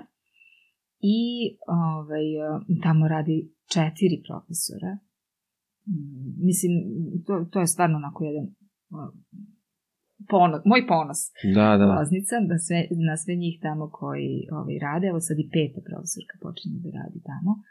Um, onda su krenule radionice po Srbiji, uh, u Bosni, tako Banja Luka, uh, ne znam, Mrkonjić grad, uh, Mostar, Trebinje, Mhm. u Crnoj Gori je Podgorica i Bar, Srbija, Novi Sad, Čelarevo, Velika Plana, Loznica, Mhm. Kragujevac, Leskovac, ovaj, tako prosto, i evo širimo se sad, čekamo otvaranje rijeke, to je prvo sledeće, Hrvatska. Mhm. Bravo. Ove, I bit će sigurno još uh, ove, ove sezone, ali ono što je tu sada negde uh, zanimljivo je to kako sad to moje inicijalno znanje ja prenesem nekom drugom, a onda on prenosi uh, i deci i roditeljima, pa čak i, i profesorima koje on angažuje. Mhm. I sad je to, meni je onako zanimljivo, ja njima dajem potpunu slobodu, to je nešto što sam naučila u L sistemi, Mhm. da e, nije važno kako ćeš doći do nekog rezultata, mislim koju metodu ćeš da koristiš da bi došao do nekog rezultata, važno je da dođeš do rezultata. Ali opet nije ni važan rezultat kao takav da je moje dete dobilo, mm, ne znam, pet nagrada ove godine, ne, nego e, da dobiješ rezultat, a na, ja smatram da je najveći rezultat da ti dete dođe nasmejano na čas i da izađe nasmejano sa časa. Jer ako ono izađe bez osmeha, kakav će Da. ti se tek vratiti? Da, da, da, da. E, to je negde princip i mi imamo možda sreću što najviše radimo sa predškolskim uzrastom. Pa ja stalno teram, posebno moram da teram one koji rade u zvaničnom obrazovnom sistemu, koji Mhm. su već ušli u tu formu Moranja. moranja, ja onda njih teram da ne moraju da imaju nikakav rezultat poseban. Što mi sad moramo? Mi šaljemo decu na takmičenja. Šaljemo, ali, Pa dobro. ali nije to primarno. A, a kada ti radiš sa tim da, da ti nije rezultat onaj koji je merljiv u, u normama školskim merljiv, kada ti to nije važno, ti se onda prepustiš. I onda zapravo dozvoliš da igra bude najvažnija, a ja sam inače veliki zagovornik igre na sve načine. I onda, ovaj, pošto deca najbolje uče kroz igru, ti njih, jer iskoristit ću ružnu reč, ovaj, prevariš Da, da ih nešto naučiš. da. I oni ni ne znaju šta rade, ali rade. A dobro, kao što dok hodamo, onda shvatimo da možemo i da trčimo, a Tako je. naučili smo da hodamo kroz vežbanje, Tako samo je. probajući i probajući. Tako je. Um, a kakav je, o, interesuje me, kakav je odziv roditelja? Odnosno, da li su roditelji prepoznali i potvrdili um, taj rad e, i, i da li su prepoznali ne napredak, e, da, da ne zvučim pogrešno, ali tu um, e, to osvešćivanje kod dece i, i, i tu raznolikost Da. i, i šta sve to budi kod njih posle em, rada. Mogu da ti kažem da moje iskustva su um, malobrojna, Mm. mogla bih da kažem da za ove godine, bez obzira na to što toliko već to, to traje, da su uh, iskustva malobrojna zato što ja uh, radim u grupi koja u jednoj sezoni pokrije, na primjer, 15 dece. Mhm. A, to nije veliki broj dece. Ali ja inače sam išla na to, mislim, ja sam svesno ušla u to da mm, je meni to poligon na kome ću ja da učim i e, na kome ću da učim prvenstveno roditelje. Mhm. Znači, nisam se ja nikada toliko bavila bebama kao, kao bebama koliko sam se bavila roditeljima. Da. Jer to što će oni da dođu kod mene na sat vremena, jednom nedeljno, to nije ništa ako oni to ne rade kod kuće. Da, ako nema Ako im repeticije. to da. ne uđe u jednu vrstu svakodnevnog procesa i, i onda sam ja naravno tu gledala kako ja to da, da napravim, da, da roditelj bude svesan da on može mnogo da učini. I um, stvarno onako najiskrenije uh, feedback koji ja dobijem od roditelja. Dan, danas dece, roditelja deca koje već odavno ne idu kod mene, to je nešto neprocenjivo. Da. U smislu da su oni naučili da prepoznaju uz mene, da prepoznaju da im ja obratim pažnju šta da gledaju, Mhm. na čemu da insistiraju, šta da rade, kako da prepoznaju i da onda to mm, onako, mm, kako bih rekla, vrlo svesno uh, pokušavaju da, da detetu uh, olakšaju da, da stigne do to nečega, šta god da je u, u pitanju. Na primjer, imam jedno, jednog dečaka, Aleksu, uh, koji je u jednom trenutku sa dve godine otkrio azbuku. Sa dve godine. Znači, još uvijek nije znao ni normalno da govori. zapravo dve i po je tad već imao, april je bio, znači da je imao već dve i po godine i ja se sećam da je mama uh, dolazila iz nedelje u nedelju, petkom smo imali nastavu, mislim nastavu časove, ovaj, i ona dolazi svakog petka i kaže još deset slova je naučio od petka do petka. I mislim, to je tako, pa je tu išla i brojevi i abeceda i sve.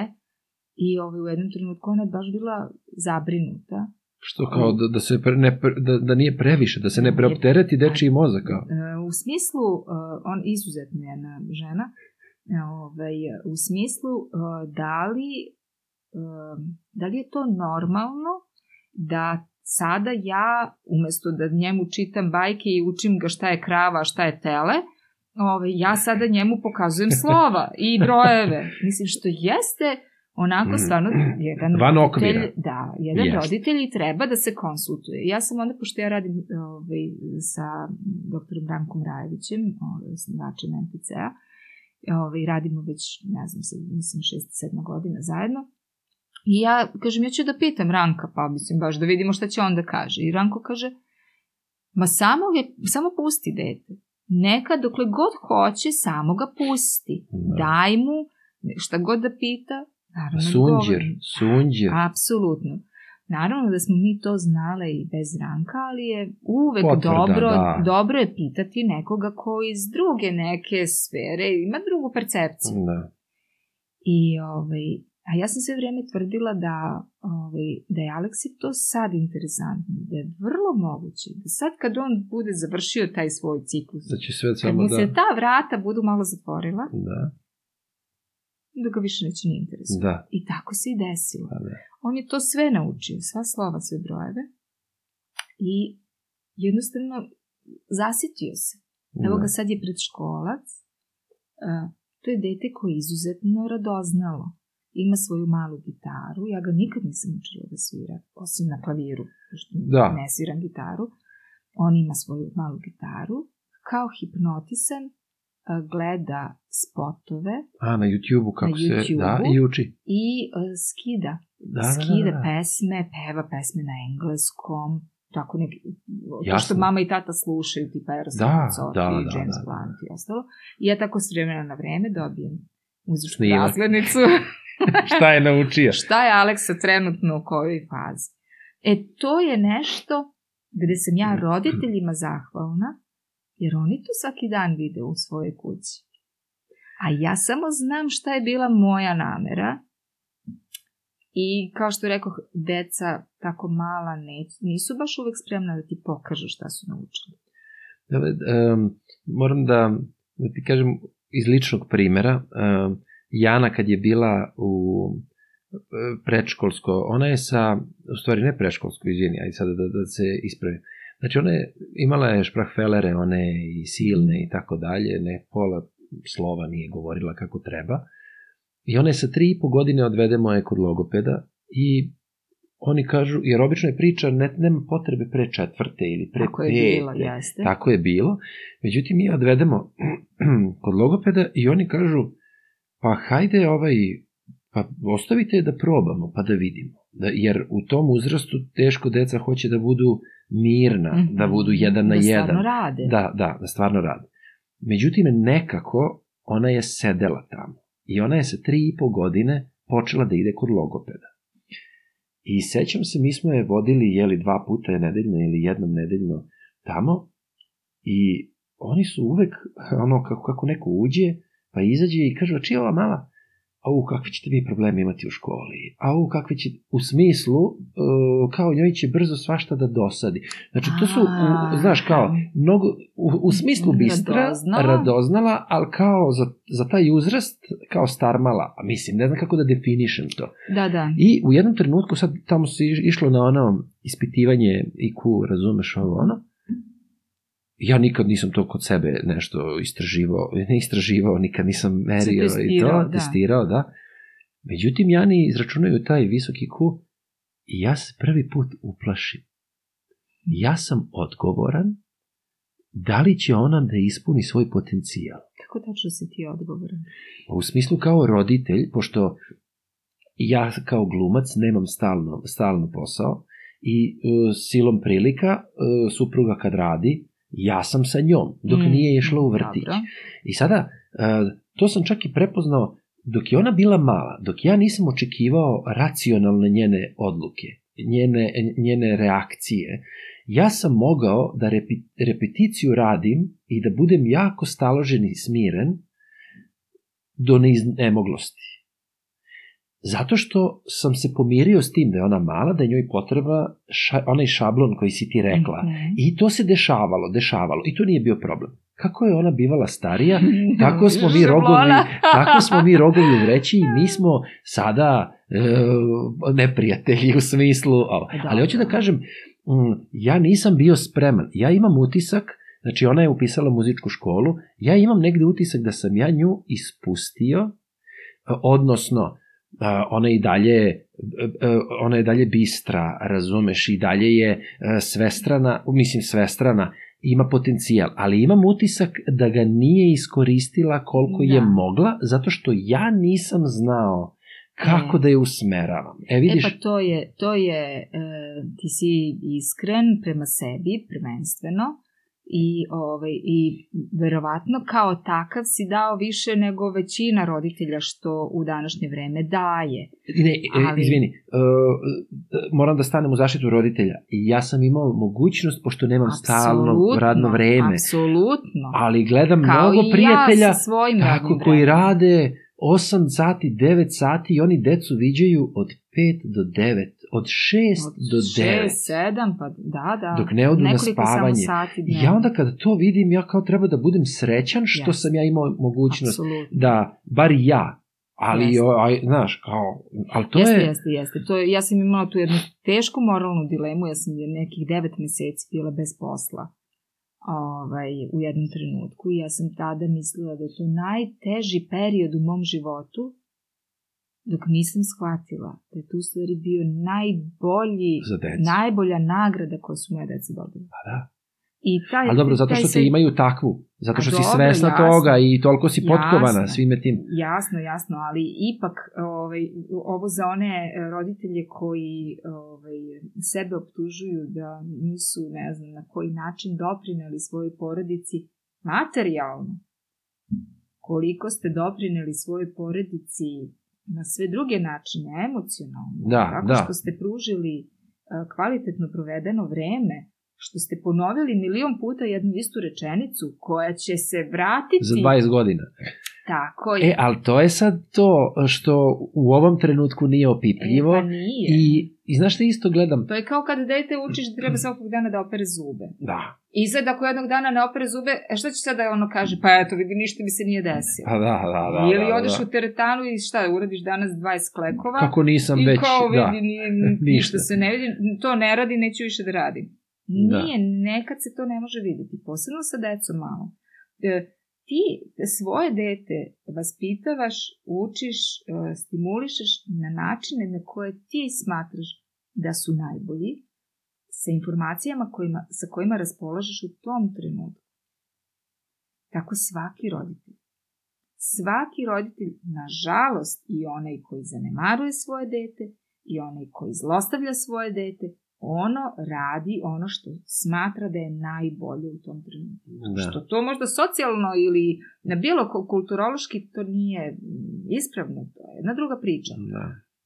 Ali svi mi kao roditelji radi, vaspitavamo svoju decu onako kako Mislim. u tom trenutku smatramo da je najbolje. Najveća greška, po mom mišljenju, tu uopšte ne mora da znači da se ja u pravu, ali Po mom mišljenju, najveća greška današnjeg roditeljstva je u tome što roditelji rešavaju, gase današnje požare. Rešavaju probleme koji se danas dešavaju, ne razmišljajući o posledicama koje će ti problemi ostaviti za 10 godina, za 20 da. godina. Ajde, ne moramo ni toliko daleko, za 5 godina.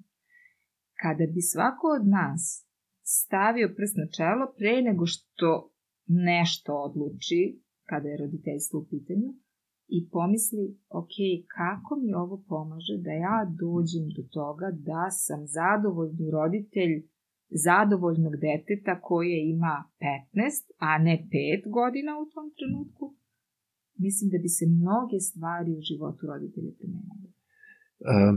Znaš da, kažem ti, ja nemam stalno radno vreme, pa onda drugačije razmišljam, ali prepoznajem to kod mnogo prijatelja, rodbine i tako dalje.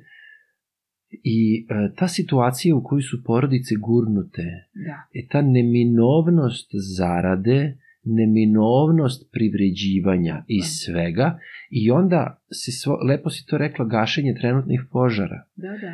A, a u stvari do, dolazimo do tog začaranog kruga gde decu učimo da moraju da se ponašaju kao mi, jer je to neminovnost, a onda ona uče da moramo da radimo i da zaradimo, jer uh, bila je situacija, uh, ne znam, neka, uh, nek, da li je to bilo kada smo školicu glume imali ili nije, nije važno na kraju krajeva, i neka devojčica je pokazala mi neki video kako je snimala neki filmić sa drugarom ili tako nešto. I ja rekao kao, pa ovo je super, ali ona nikad nije ništa snimala, ona nikad ništa nije e, nešto kao sad da je neko njoj nešto rekao, niti ja imam neko sad veće znanje od nje, ali ona je sa pauzama koje je pravila tu i, i sa kadrovima koje je radila, ona je to uradila da to izgleda savršeno. I onda kao, pa ovo je sjajno. Pa jesi nekad razmišljala možda da odeš na neku, da, da, da vidiš kako bi još to moglo da se poboljša, Da da, sve, naučiš da nešto, naučiš da, da, nešto, da, da, možda da. razmišljaš o režiji ili o ne znam Mhm. čemu. A, ona, a onda ona kaže, uh, pa ne znam, uh, kao, ja sam razgovarala s roditeljima i uh, u fazonu, od umetnosti nema leba. Znaš, kao, to je neki, neka vrsta, ja to ne uzimam za zlo, za, od bilo koga, ali činjenično gledano u ovom svetu materijalnom Da. sve je potpora ako se iskešira jeli ako a, govorim da je to jedino obrazloženje ali A. o, ali ja ne smatram ja ja smatram opet ne spadam spadam u tu manju grupu ljudi koja koji su se kockice složile, ja kažem, ja imam mogućnost takvu što o, ja se bavim glumom koliko toliko, ne koliko bi želeo, ali Pak se bavi. bavim se glumom, ali opet zahvaljujući i tome što supruga moja radi šta radi i ja mogu sebi to da priuštim. Znači, ja to Da. ne krijem, m, to je, ali e, smatram da ljudska duša koja se bavi umetnošću, da je to, e, nema veće sreće. Mm, Pa da, a sad je to pitanje da li je to uvek tako Pa, ali, a, da nema od toga leba. I... E, ne, ne, to se nikad ne zna, ali ako se kreće sa pretpostavkom da od toga nema leba, onda Da. ne može da se otkrije da li će biti. Apsolutno. Ili da li će neko da procveta i da li će da stigne do nekih dometa ili Tako šta će da uradi za dobrobit mnogih drugih. Apsolutno, da. Da. I nije, nije uvek ni važno. Ja sam upoznala čoveka koji uh, drži onaj, uh, ono udruženje Čep za hendikep. Uh -huh. I zvala sam ga da, da kupim za zgradu našu, da kupimo na kutiju i e, došao je on, on ima e, vidna fizička e, Oštećenja. oštećenja Mhm. ovaj, ali mentalno potpuno neoštećen, e, izuzetno prijatan, izuzetno, izuzetno prijatan. Znači, onako, da, e, došao u moju kuću, popili smo kafu, ispričali se, kao da smo neposredan. I on izgovara rečenicu, ja pitam kako sad ti živiš, e, živiš od ovoga, on kaže, pa iznajmili su mi neki stančić, sobicu neku u Zemunu, I tako, kao, odvedu me povremeno da mi nešto kupe, neku, neki duks. Ja kažem, ma ne treba to meni, šta će to meni? Ma meni je važno samo da ja pomognem. Da. Hoću da ti kažem, on je jako srećan u svom tom životu. U tom svom životu u kome on nema svoj stan, nema platu, ne, ništa nema. Da. Ali on je svrhu pronašao u tome da pomogne nekom drugom. Da. Sad, pre neki dan je bio da ispraznite kutije i onda mi priča o nekom slučaju ovaj, sa kojim se trenutno on ovaj, bavi, neka, neka priča, ne, da ne, ne širim sad. Ovaj, uglavnom, čovek koji vidiš da bez obzira što po svim normama ovog današnjeg 21. veka on ništa nije uspeo u životu. On Mm. je on pomaže drugima, Da. za njega, iz njegove perspektive, on je vrlo uspešan. Pa da. Tako da je sad to, znaš, i ja kad sam bila dete i meni su rekli isto tako od muzike nema leda. I ja Da. sam u to verovala. Zato što su ti govorili. Tako, evo i dan danas je tako. A viš, a i to može Ali se napravi, to pa nije, ali to se pravi paralela sa onim što si rekla, imala sam velika maštanja, pa sam sebe sputavala, pa sam sebi dozvoljavala. Um, ali ako, sad imam ja tu ekipu s kojom radimo predstave, razumeš, imamo, napravili smo naše putujuće pozorište i tako, pošto nemamo, jeli mogućnost, nismo stalno zaposleni, Da, i onda da, da. pokušavaš sam sebi da napraviš ne, Naravno, nešto izmisliš posao. i izmisliš posao, ako ništa drugo u ovom svetu. I onda, uh, često se dešava da pričamo kao šta bi mogli sledeće da radimo, i onda, naravno, sukob mišljenja i tako dalje. Mene najviše boli kad neko dođe i kaže, pa to ne može. Ali zašto ne može?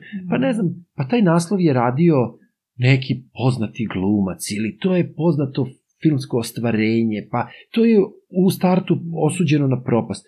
Ma sve je u redu, istina, razumeš ono, ali ne možeš da kažeš ne može, a jer ako sebe sputavaš u maštanju, način, onda n- ne postoji šansa da otkriješ da ne može, pa bolje da otkriješ da ne može. Ne, ne mislim na, na e, materijalnu štetu, Ne, ne, ne, razumem nego šta misliš. bar, bar daj da razmišljamo, da pričamo o Jeste. tome, da Da probamo. vidimo zašto bi to moglo da Tako može, a je. zašto bi moglo da ne može. Jer da imaš svoj način, niko od nas nije isti. Apsolutno. Znaš, i onda...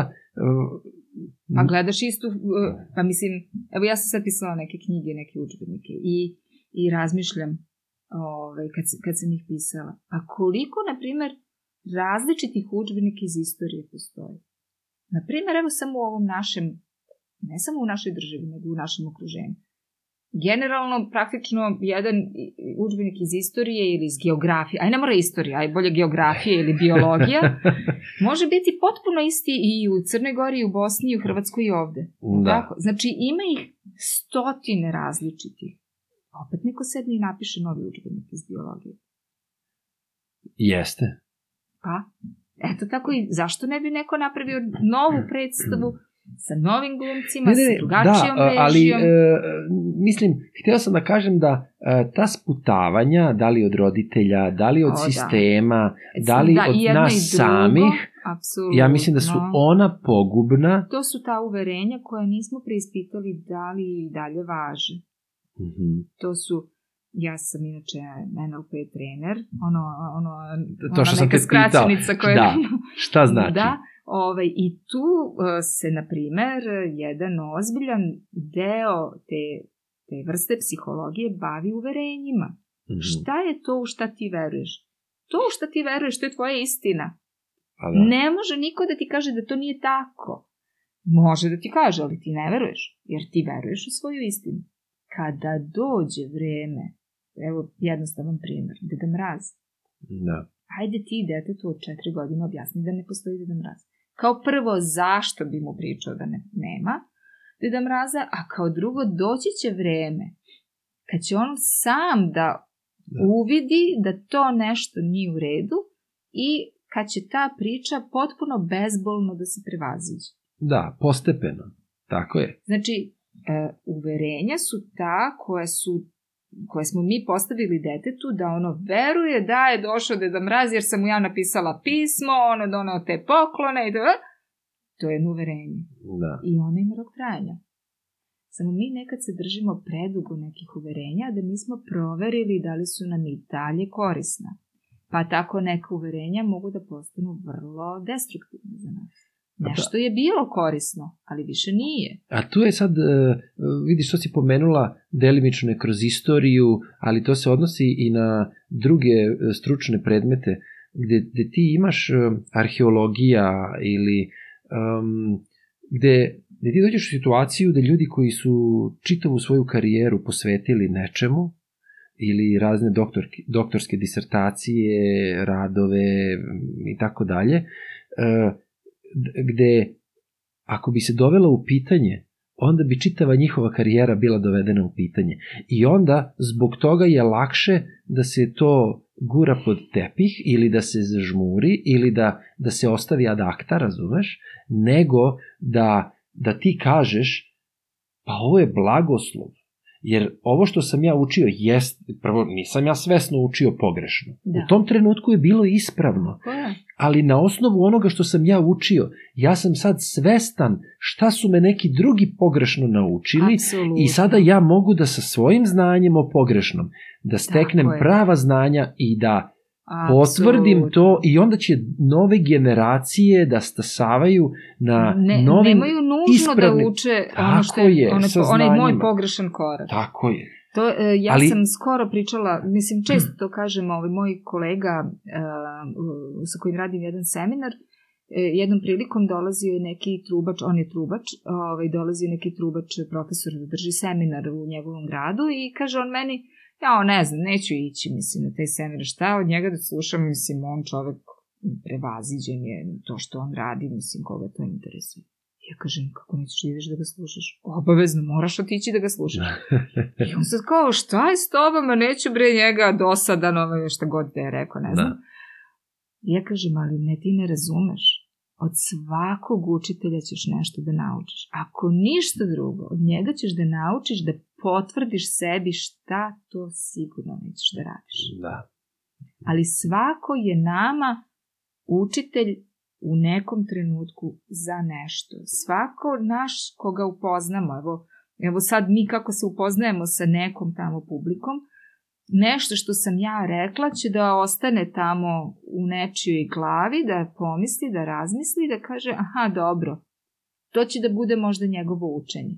Možda će da mu bude učenje da kaže, e, slušaj, ovo mi predugo traje, mnogo mi je ovo interesantno, hoću da poslušam ovo na... I to će da mu bude učenje. Da, da, da, da. Bilo šta e, korisno da izvuče, to je, to je učenje. Ako ništa nisi naučio, da si izgubio vreme. Da. Ali e, nemoguće je da nešto ne naučiš.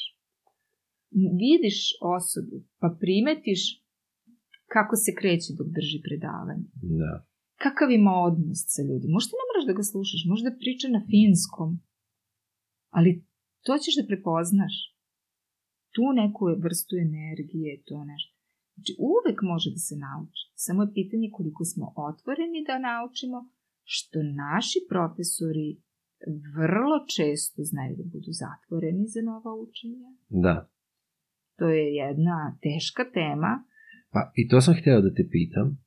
E, zato što Uf. e, e, pa da, ali vidi, e, nisam mislio da je pomenem u smislu e, opanjkavanja Ne. ili bilo čega, Ne. nego upravo suprotno. Ne, jer- upravo suprotno. E, sistemski e, male plate, e, Da. loša posvećenost profesiji, e, Upravo ni to. podaštavanje Uopšte ne profesije ne, ne i onda ti dođeš u situaciju gde očekuješ da, da neko povrh svega toga mora još nešto da uradi zato što mu neko nameće.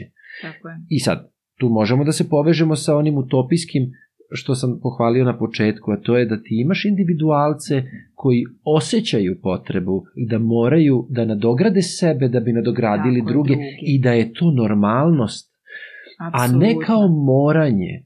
Jer Da. čim ti osetiš nešto kao moranje, onda je to teg koji te sputava. Da. Ali ako je to normalnost, onda se ti uh, razvijaš, a i ostali sa tobom. Da. Znaš kako je u, u našem obrazovnom sistemu je to vrlo uh, vrlo je prepoznatljivo. Znači ja sad već, evo, ovo mi je 13. godina, pa stvarno mogu da kažem da imam iskustva, stotine seminara sad već iza sebe. Uh, I ono što je nekada bilo vrlo uh, vrlo lako za uočiti je da su, e, nekada su mnogo češće škole plaćale svojim kolegama da idu na stručno usavršavanje. Znači, na primjer, 30, da ja dođem na seminar, škola mi je organizovala, njih 30 iz iste škole, isto I pričam odjednom, svima, tako je, super. super. Ali, onda se desi da apsolutno nisu svi podjednako zainteresovani za to što će da im dođe neka tamo iz Beograda, na primer, koja nikad nije radila u muzičkoj školi, na primer, Da. evo sad. Ove, I sad će ona meni da nešto priča šta ona zna. Da, da, da, da, da. Ali imaš i onih koji a, nisu, nisu životno zainteresovani uopšte za tu vrstu usavršavanja. Možda su zainteresovani za nešto drugo. Ja sam, sećam se na jednom seminaru, da je bila jedna profesorka koja je tako vidljivo bila odsutna. Mhm. Tu je, ali... Zato što mora, da. Da. Da bih ja u razgovoru s njom u neko, ona nešto htela meni da, da kaže da nešto nisam se dobro izrazila. Ja sam shvatila da je ona skroz u pravu, da se ja zaista nisam precizno izrazila. Ispravim se, zahvalim joj se na tome. U tom trenutku ja vidim da ona diže glavu i se počinje da menja ona svoj stav prema meni. Aha. Da bih ja do kraja dva dana je trajao seminar, pa smo imali vremena da, ovaj, da, da uđemo u tu neke priče, da bih ja shvatila da ona čita istu literaturu koju ja čitam. A, a pritom ovih ostalih 29 koji sede tu Da. nikad čuli nisu za tako nešto. Da. Da ona bi mogla sa mnom da priča ne o muzici, O svemu. nego svemu i svačemu, zato što ona ima jednu vrstu širine koju u, u svom okruženju ona nema sa kim o tome da priča. Da. I onda ja kad dođem, ona misli praktično da sam ja kao i svi ovi ostali. Da, da, da, da. I dok mi nije dala šansu, zapravo je ona bila zatvorena za učenje. A kad mi je dala šansu, onda sam se ja njoj više okrenula. Mm. Više sam želela njoj da dam a, materijala kako bih nju još više probudila, da bih posle saznala od direktorke da je ona jedna opasna zverka, s- po, najpozitivnijem Da, smislu da. reči. Ovaj, tako da hoću da kažem, na primer, to je, to je jedna od loših strana, na sreću ili na nesreću, to se sad jako redko dešava da, da škola plati, to mi se desi jednom godišnje. Ja imam neviđenu sreću, meni dolaze profesori, vaspitači, nastavnici, Individualno. individualno, koji sami sebi plate, jer znaju gde dolaze. Da. I ja onda radim S sa, ljudima koji žele da otkriju. Pa da, Da. i to je sa ljudima odmah... koji su otvoreni, To je banja. koji su, da. Ja stalno kažem, ja, ja radim idealni posao. Znači, ja radim sa ovima zaposlenima u obrazovanju koji žele nešto da nauče od mene. Radim sa roditeljima koji shvataju da je to važno za njihovu decu, I da. pa su mi doveli decu. Radim sa decom koja to prirodno vole. I niko nije Slušaj. nadrndan, da. Pa Da. meni je banja.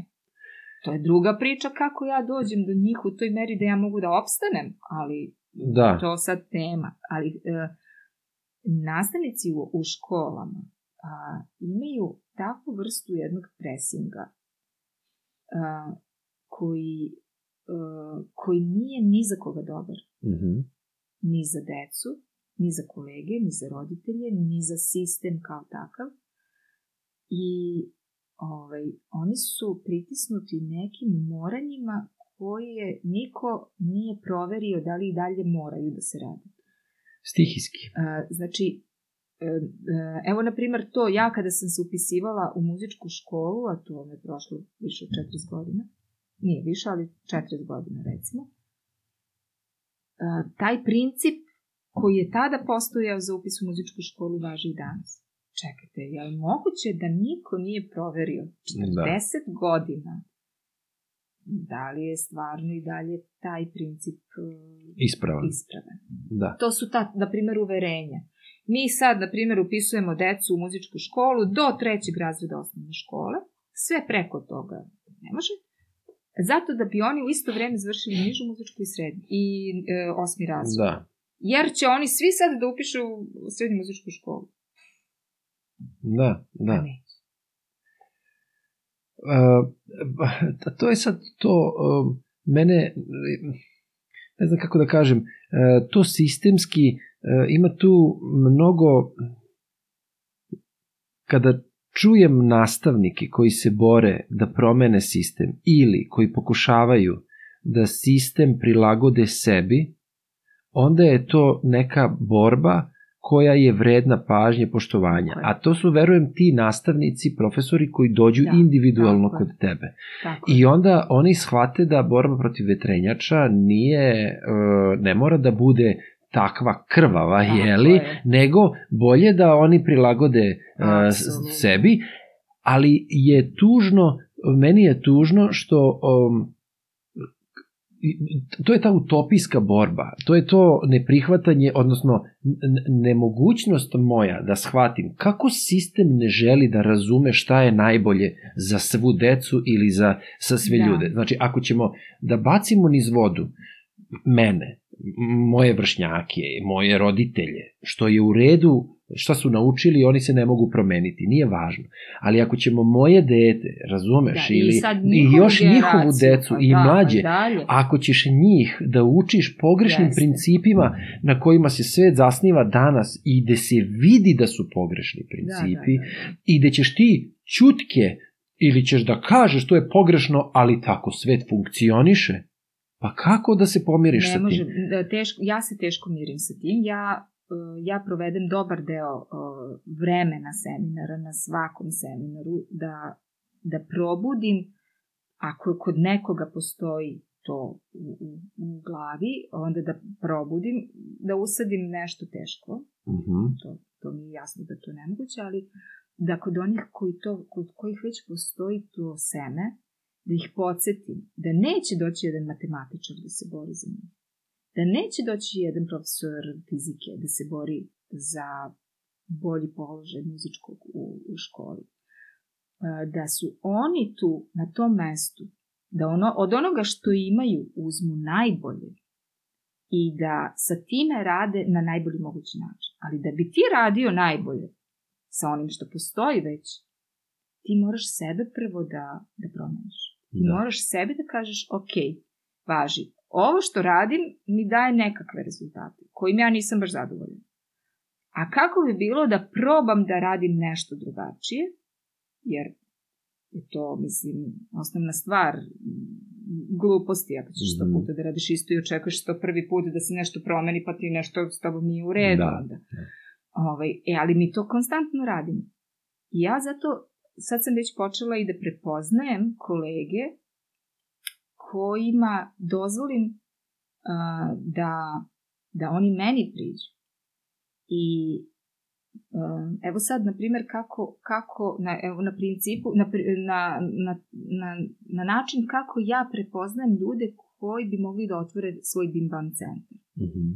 ja ih više ne pozivam da oni budu moje kolege, nego ih uh, onako dam im maksimalno motivacije i maksimalno im pokažem kako bi oni to mogli da rade i dam im znanja, prvenstveno znanja, i onda čekam da vidim šta će da se vrati. Mhm. I uh, sad već mogu da ti kažem e, da mogu bez mnogo problema da prepoznam ko, uh, ko živi takve stvari i pre nego što je došao kod mene i ko uh, samo priča da živi takve stvari. Mhm, mhm. I to se jako lepo vidi. Uh, mogu da sad već s ovim uh, godinama iskustva da prepoznam uh, da uh, veliki otpor postoji uh, od strane direktno mojih kolega muzičara u muzičkim školama, možda najveći otpor, jer uh, oni zapravo nikako da shvate da se svet promenio. Oni bi isto da rade kao što su radili naši nastavnici, koji su učili od svojih nastavnika, to Da. se bi bilo pre 80 godina. Da, da, Znaš, da, da. mislim, prosto nije više to vreme. A, to je davalo rezultate nekada, ali izvinite, samo poslednje tri godine mi smo se promenili kompletno. Da. Ne možemo to da negiramo. Da. To što ja ne volim da se slikam za tamo neki Instagram ili ako je to jedini način da, da ja dođem do jednog roditelja kome ću da kažem, ej, slušaj, tvoje dete sad ima godinu dana, nikad više. I sad ako ne budeš radio to što treba, posle će biti kasno. Nemoj da, da propustiš. Ako ja to mogu da prevaziđem i da kažem, ok, ajde snimat ću se. Ajde i to ću da uradim. Ali ako ja kažem, ma ne, to, ja, ja to da ne, ja ću mu se peđu kako je mene moja profesorka učila pre 40 godina, tako ću ja i ovu decu, sve, onda mi nismo na, na istoj planeti. Da. Da. Onda jednostavno ne možemo da očekujemo da će ovo društvo ikada da pređe taj, taj put da, da, da skrene iz te jedne mrtve tačke, mi smo verujni na mrtve tačke. Uz, uz mnogo izuzetaka koji fantastičnih profesora, ima fantastičnih vaspitača. Vaspitača kakvih imamo. Pa ja ne znam da li, da li su roditelji svesni kako mi blago među vaspitačima, na primjer. Pa dobro, ako je to tako kako kažeš, onda je to ohrabrujuće. Jeste, samo pitanje koliko su oni iscrpljeni već e, pa to je druga od sistema stvar. Da. i od toga da stalno čekaju da bude bolje i da gledaju kako su neki sa mnogo manje kapaciteta uspeli da, bude, da žive lagodniji život. Ne, ništa drugo, samo mirniji jedan život Da, da. A, ali opet s druge strane, ako ja nisam sama spremna na promenu, ja sam bila spremna na promenu. Ja sam svoj život u potpunosti promenila kad sam shvatila pa ovo više ovako ne ide. Da. A dobro, ti spadaš u redke koji su se drznuli da kažu, e, dosta je. Razumeš? Pa dobro, verovatno. Spadaš u redke, jer um, iz razgovora sa tim nekim ljudima koji su se isto poneli kao ti, razumeš? On, to se vidi, ra, to se vidi um, ta razlika u odlučnosti kod osobe. Mislim, da, da li je to splet okolnosti koji je tebi omogućio da ti doneseš takvu odluku? Da li je, razumeš, to su, to su različiti faktori, ne možemo to da smetnemo sa uma. Apsolutno. Apsolutno. Ali opet e, ono što je za poštovanje, a to je ta tvoja spremnost da ti, ti kažeš u redu, ali ja sad moram da krenem, Tako je. da istražujem, da ponudim, da, da, e, da I doprem do ljudi. I znaš šta još? Da ne očekujem rezultat odmah. Pa- Mislim da je to jedna od ključnih stvari, Da. posebno kada su današnja deca u pitanju, i to što smo mi njih naučili na to da oni dobiju odmah rezultat. Znaš, ono, crtani traje pet minuta, mislim, u pet minuta se sve desi, i Da, i da, da, rasplet, da, da, i da, svaki da, da, problem da. se reši za pet minuta. Ali to u životu nije tako. Moja spremnost kad sam ja otvarala Bim Bam je bila, ja se dobro sećam, da sam ja rekla, kada smo koleginice i ja počele zajedno, ja sam sačekala da ona bude spremna da mi počnemo, da bi se posle dve nedelje ispostavilo da ona meni rekla, ali ovde nema para, mislim, ovo Da, da, da. ovo kad ovde nema para. A moj odgovor njoj je bio, pa ja znam da nema para. Biće za pet godina. Da, ti ulažeš, Ja sam bila spremna da čekam pet godina. da, ili si imala mogućnost da čekaš, to. ili, ok, da, Znači, dala sam toliko vremena, truda, angažmana, sve čega, e, da mogu da mi to vreme, tih, na primjer, sat, dva mest, nedeljno, ne bude opterećenje na bilo koji način, ali da bude konstantno, da bude disciplina, da, što je jako važno za svakog ko radi samostalno. Baš sam pre neki dan pričala sa jednom koleginicom. To, da sam ja kreativna, to je potpuno jedna druga stvar od toga da sam ja disciplinovan. mhm, Ovaj, i- znači, ja sam bila spremna na to da Bim Bam neće pet godina donositi profit. Nikakav. Da ja ne mogu ošte da računam na to da će to da bude isplativo na bilo ko, da ja toga mogu nešto da zaradim. Ja sam na to bila spremna u startu. Da, Ja sam tek kasnije shvatila da bih ja to mogla da razradim. mhm. Kad sam videla da kolege su zainteresovane da rade isto to što ja radim. I onda sam rekla, ok, dobro, da vidimo kako bi to mogli da proširimo. Ali ta spremnost, mislim da je ključna. Ja dosta gledam ove neke biznis podcaste, Mhm. jer nemam pojma ništa. Pa dobro, Hoću, naravno, malo se spremna si da se obrazuješ, da. Da, i, ovaj, i, i to primećujem kod, e, u tim biznis podcastima ovaj, koje sam slušala, to primećujem da ljudi e, uspešni su spremni da gledaju malo Dalje. napred, malo Pa, dalje Da, i da čekaju taj rezultat koji će da dođe. Isto kao kad učiš dete, mislim. kao kad zasadiš drvo, pa ne može odmah hlad da baci, mislim, ti mora da poraste, Ne treba može, 10, da. 20, 30 godina, znaš. Ali taj ko je posadio drvo i zna da neće dočekati taj hlad, Da, e, taj živi utopiju. pa da, pa da. A on zna da će to da bude jednog dana, nema veze što ja neću moći da sedim pod tim.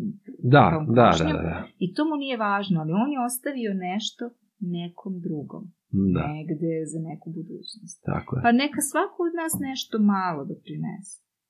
Ja, ja, ja to gledam kroz ove moje knjige, igre, evo donala sam ti, ovo je prva knjiga koja je Mhm. izašla i, i prvo izdanje, nema ga više. Mhm. Ovaj, e, mm, ja, ja sad radim, ne znam koja se dobro, možda osma po redu i razmišljam, jutro pišem jednoj koleginici i hoću da je zamolim da pregleda rukopis. Nije još gotova, ali ho, htela bih da pregleda rukopis, prosto smatram da ona to može da, e, da mi da dobru onako kritiku šta bi ja tu trebala Mhm. još da, da stavim, da menjam, šta god.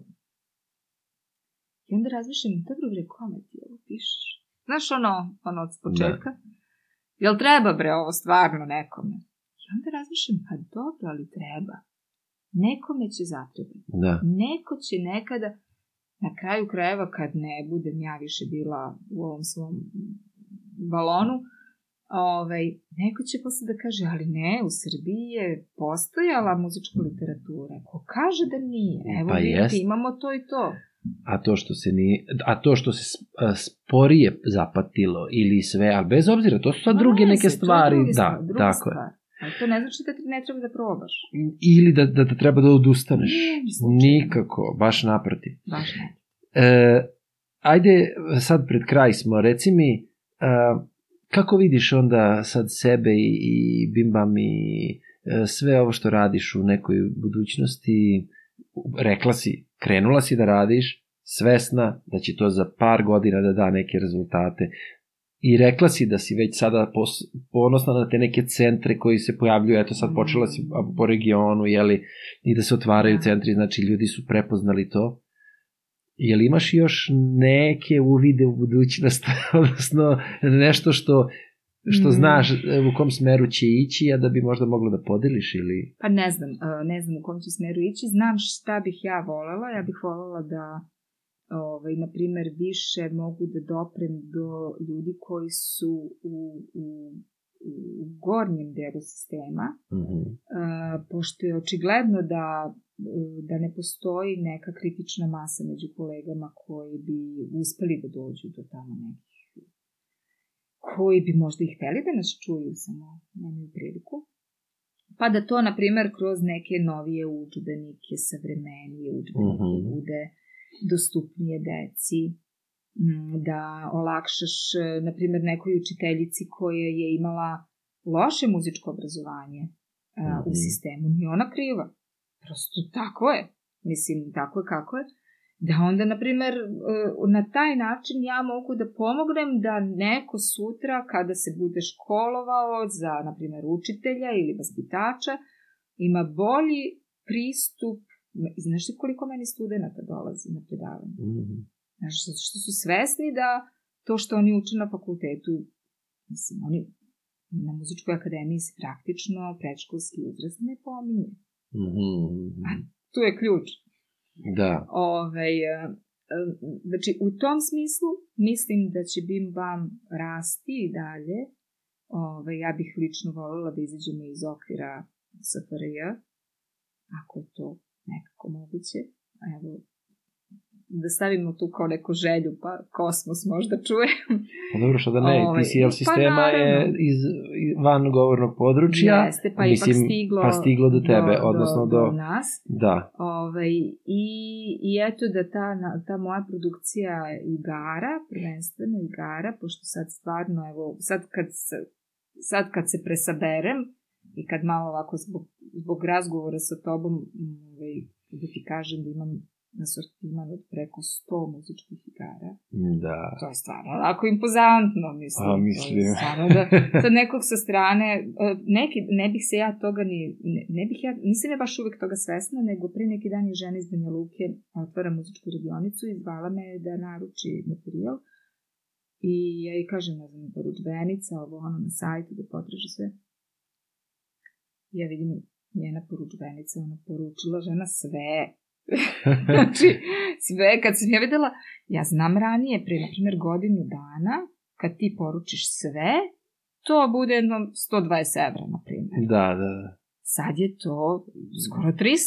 Da, da, da. I da. ti po tome vidiš, a cene se nisu menjale, nego ti vidiš samo da je asortiman ponuda se povećala. Mnogo se odnosno, povećala. Tako je. E, tu bih volela da prosto imam taj kontinuitet. Ja sam tako želela svašta da naučim, pa sad stvarno učim. I, ovaj, I tu sam sve bolja i bolja i onda mogu sama da pravim te materijale. Mhm. Mislim da dizajniram te materijale, Da. onda angažujem već nekoga da ko, ko je dobar u tome da, da ovaj to napravi i e, nažalost, jer stvarno mislim da je to nažalost, nemam nikakvu konkurenciju. Pa dobro, ali... Ne, ne, ne. Ja, ja te potpuno razumem, ti jer kažem. konkurencija vuče jedna drugu. To je jasno. A zato i kažem, ali onda uh, pozitivno treba da gledaš na to da ovi koji dolaze kod tebe da uče da će ti uskoro postati to konkurencija. super. I to je dobro. To je super. Evo, juče se javila devojka, bila je, ja organizujem konferencije ovaj, na kojima tako novi ti, o, nove kolege dođu da, da nauče, ovaj, da dobiju mnogo znanja. Jedna devojka koja je skoro završila akademiju, a, se posle konferencije odlučila da otvori svoju radionicu. I juče me zove, znači ne bim bam, nego svoju, Svoju, neku da, radionicu. skroz, da. I juče me zove i onako, a, čak nije bila ni bojažljiva i svaka joj čast na tome. Htela je da me pita sve što nije imala koga drugog da pita. A Stari. to je, bukvalno, ja njoj dajem savete, a ona otvara, Ona ti suparnica, ona mi, kao. mislim, Pa, mislim- praktično bi mogla da kažem da mi je konkurencija. Konkurencija. Ali, slušaj, toliko ima deca u Beogradu. Kako mi uopšte možemo biti konkurencija? Pa ja ne mogu da obslužim toku deca u Beogradu koliko ih ima. ne može Ali, ni ona. Ne, ne, da, ali hoću da kažem, e, vidiš, opet je to splet okolnosti gde se ona obratila osobi koja nema problem sa sujetom. Tako je. Znala je ona da će mene da pita i zato je, kažem to, svaka joj čast što je bez straha prišla da me pita.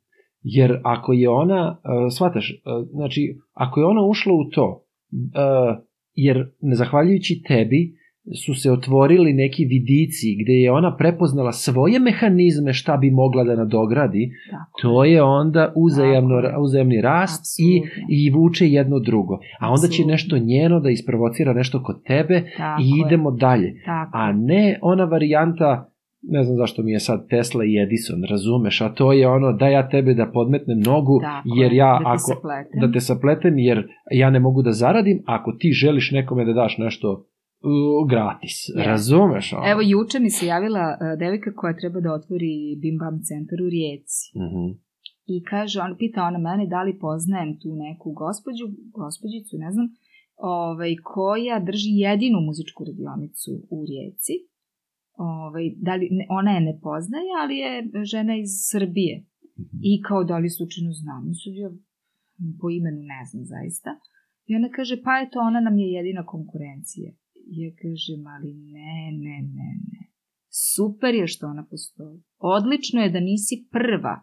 Znaš li ti, sad gleda iz druge perspektive, jedan roditelj koji je okružen, na primer, sve su sportske uh, ove školice, Školice. Oko, oko njega. Da. Znači da kaže, pa moje dete mora da ide na sport. Nikad nije čuo da ima muzička radionica. Šta će mu muzička radionica? Da, da. Ali ako ima 10 muzičkih radionica u gradu, znači da kaže, a pa mora i moje dete da ide na muzičku radionicu. Da, da, da, da, da. E, da. to je to. Zato mi nismo jedni drugima konkurencija. Mi treba da budemo jedni drugima podrška. Da. Ali to, nažalost, nisu Dobro. svi u stanju da razumeju. Neko je više tu zbog novca, neko je manje, neko je zbog uticaja, neko je politički, neko je kako ko, Da. kako kojoj sferi, ali mislim da svakako najviše treba da, da, da dobiju deca u Mhm. pravo vreme od pravih osoba koje su kvalifikovane da znaju, da prepoznaju najbolji način kako sa detetom, sa svako dete ima neke svoje potrebe, kako sa njim da radi da dobije najbolji mogući rezultat. Da. A za to moraš da se školuješ. Tako je. E, još ovo te pitam, je li ima nešto što si možda htela da kažeš, ali da nas je razgovor odveo na petu stranu, pa si smetnula sa uma, a da ne bude posle, ja nisam ono rekla, a htela E, nismo rekli šta je NLP. Ajde, reci nam. Pa da, ja sam ovaj, pre NLP je zaslužan što sam ja tako promenila kurs. Aha. Ovaj, to je neurolingvistički programming, on, odnosno uh, jedna grana psihologije koja se razvila 70. godina i ovaj, ja sam igrom slučaja, eto tako, od moje dobre prijateljice čula uh, za taj trening, krenula uh, jedna godina, druga godina, treća, četvrta, tako da sam sad uh, NLP trener Mm -hmm. i NLP coach i ovaj, držim predavanja a, u okviru My NLP-a, našeg, našeg udruženja. Ovaj, napisala sam čak i dnevnik za, ovaj, za vežbanje za one koji završe tu prvu, prvu ili drugu godinu, da ostanu zaista u materiji, pošto je NLP jedna praktična nauka, veoma praktična. To je sad, na primer, hoćeš da naučiš kako se prave princes krofne. Mm -hmm. Da li ćeš da odeš da učiš u stičarnici u kojoj su najbolje princes krofne u gradu ili ćeš da odeš da naučiš kod komšinice Mire koja zna da napravi princes krofne. Da. E, tako je NLP nastao a, što su a, prepoznali da neki ljudi dođu brže do rezultata, neki terapeuti razni,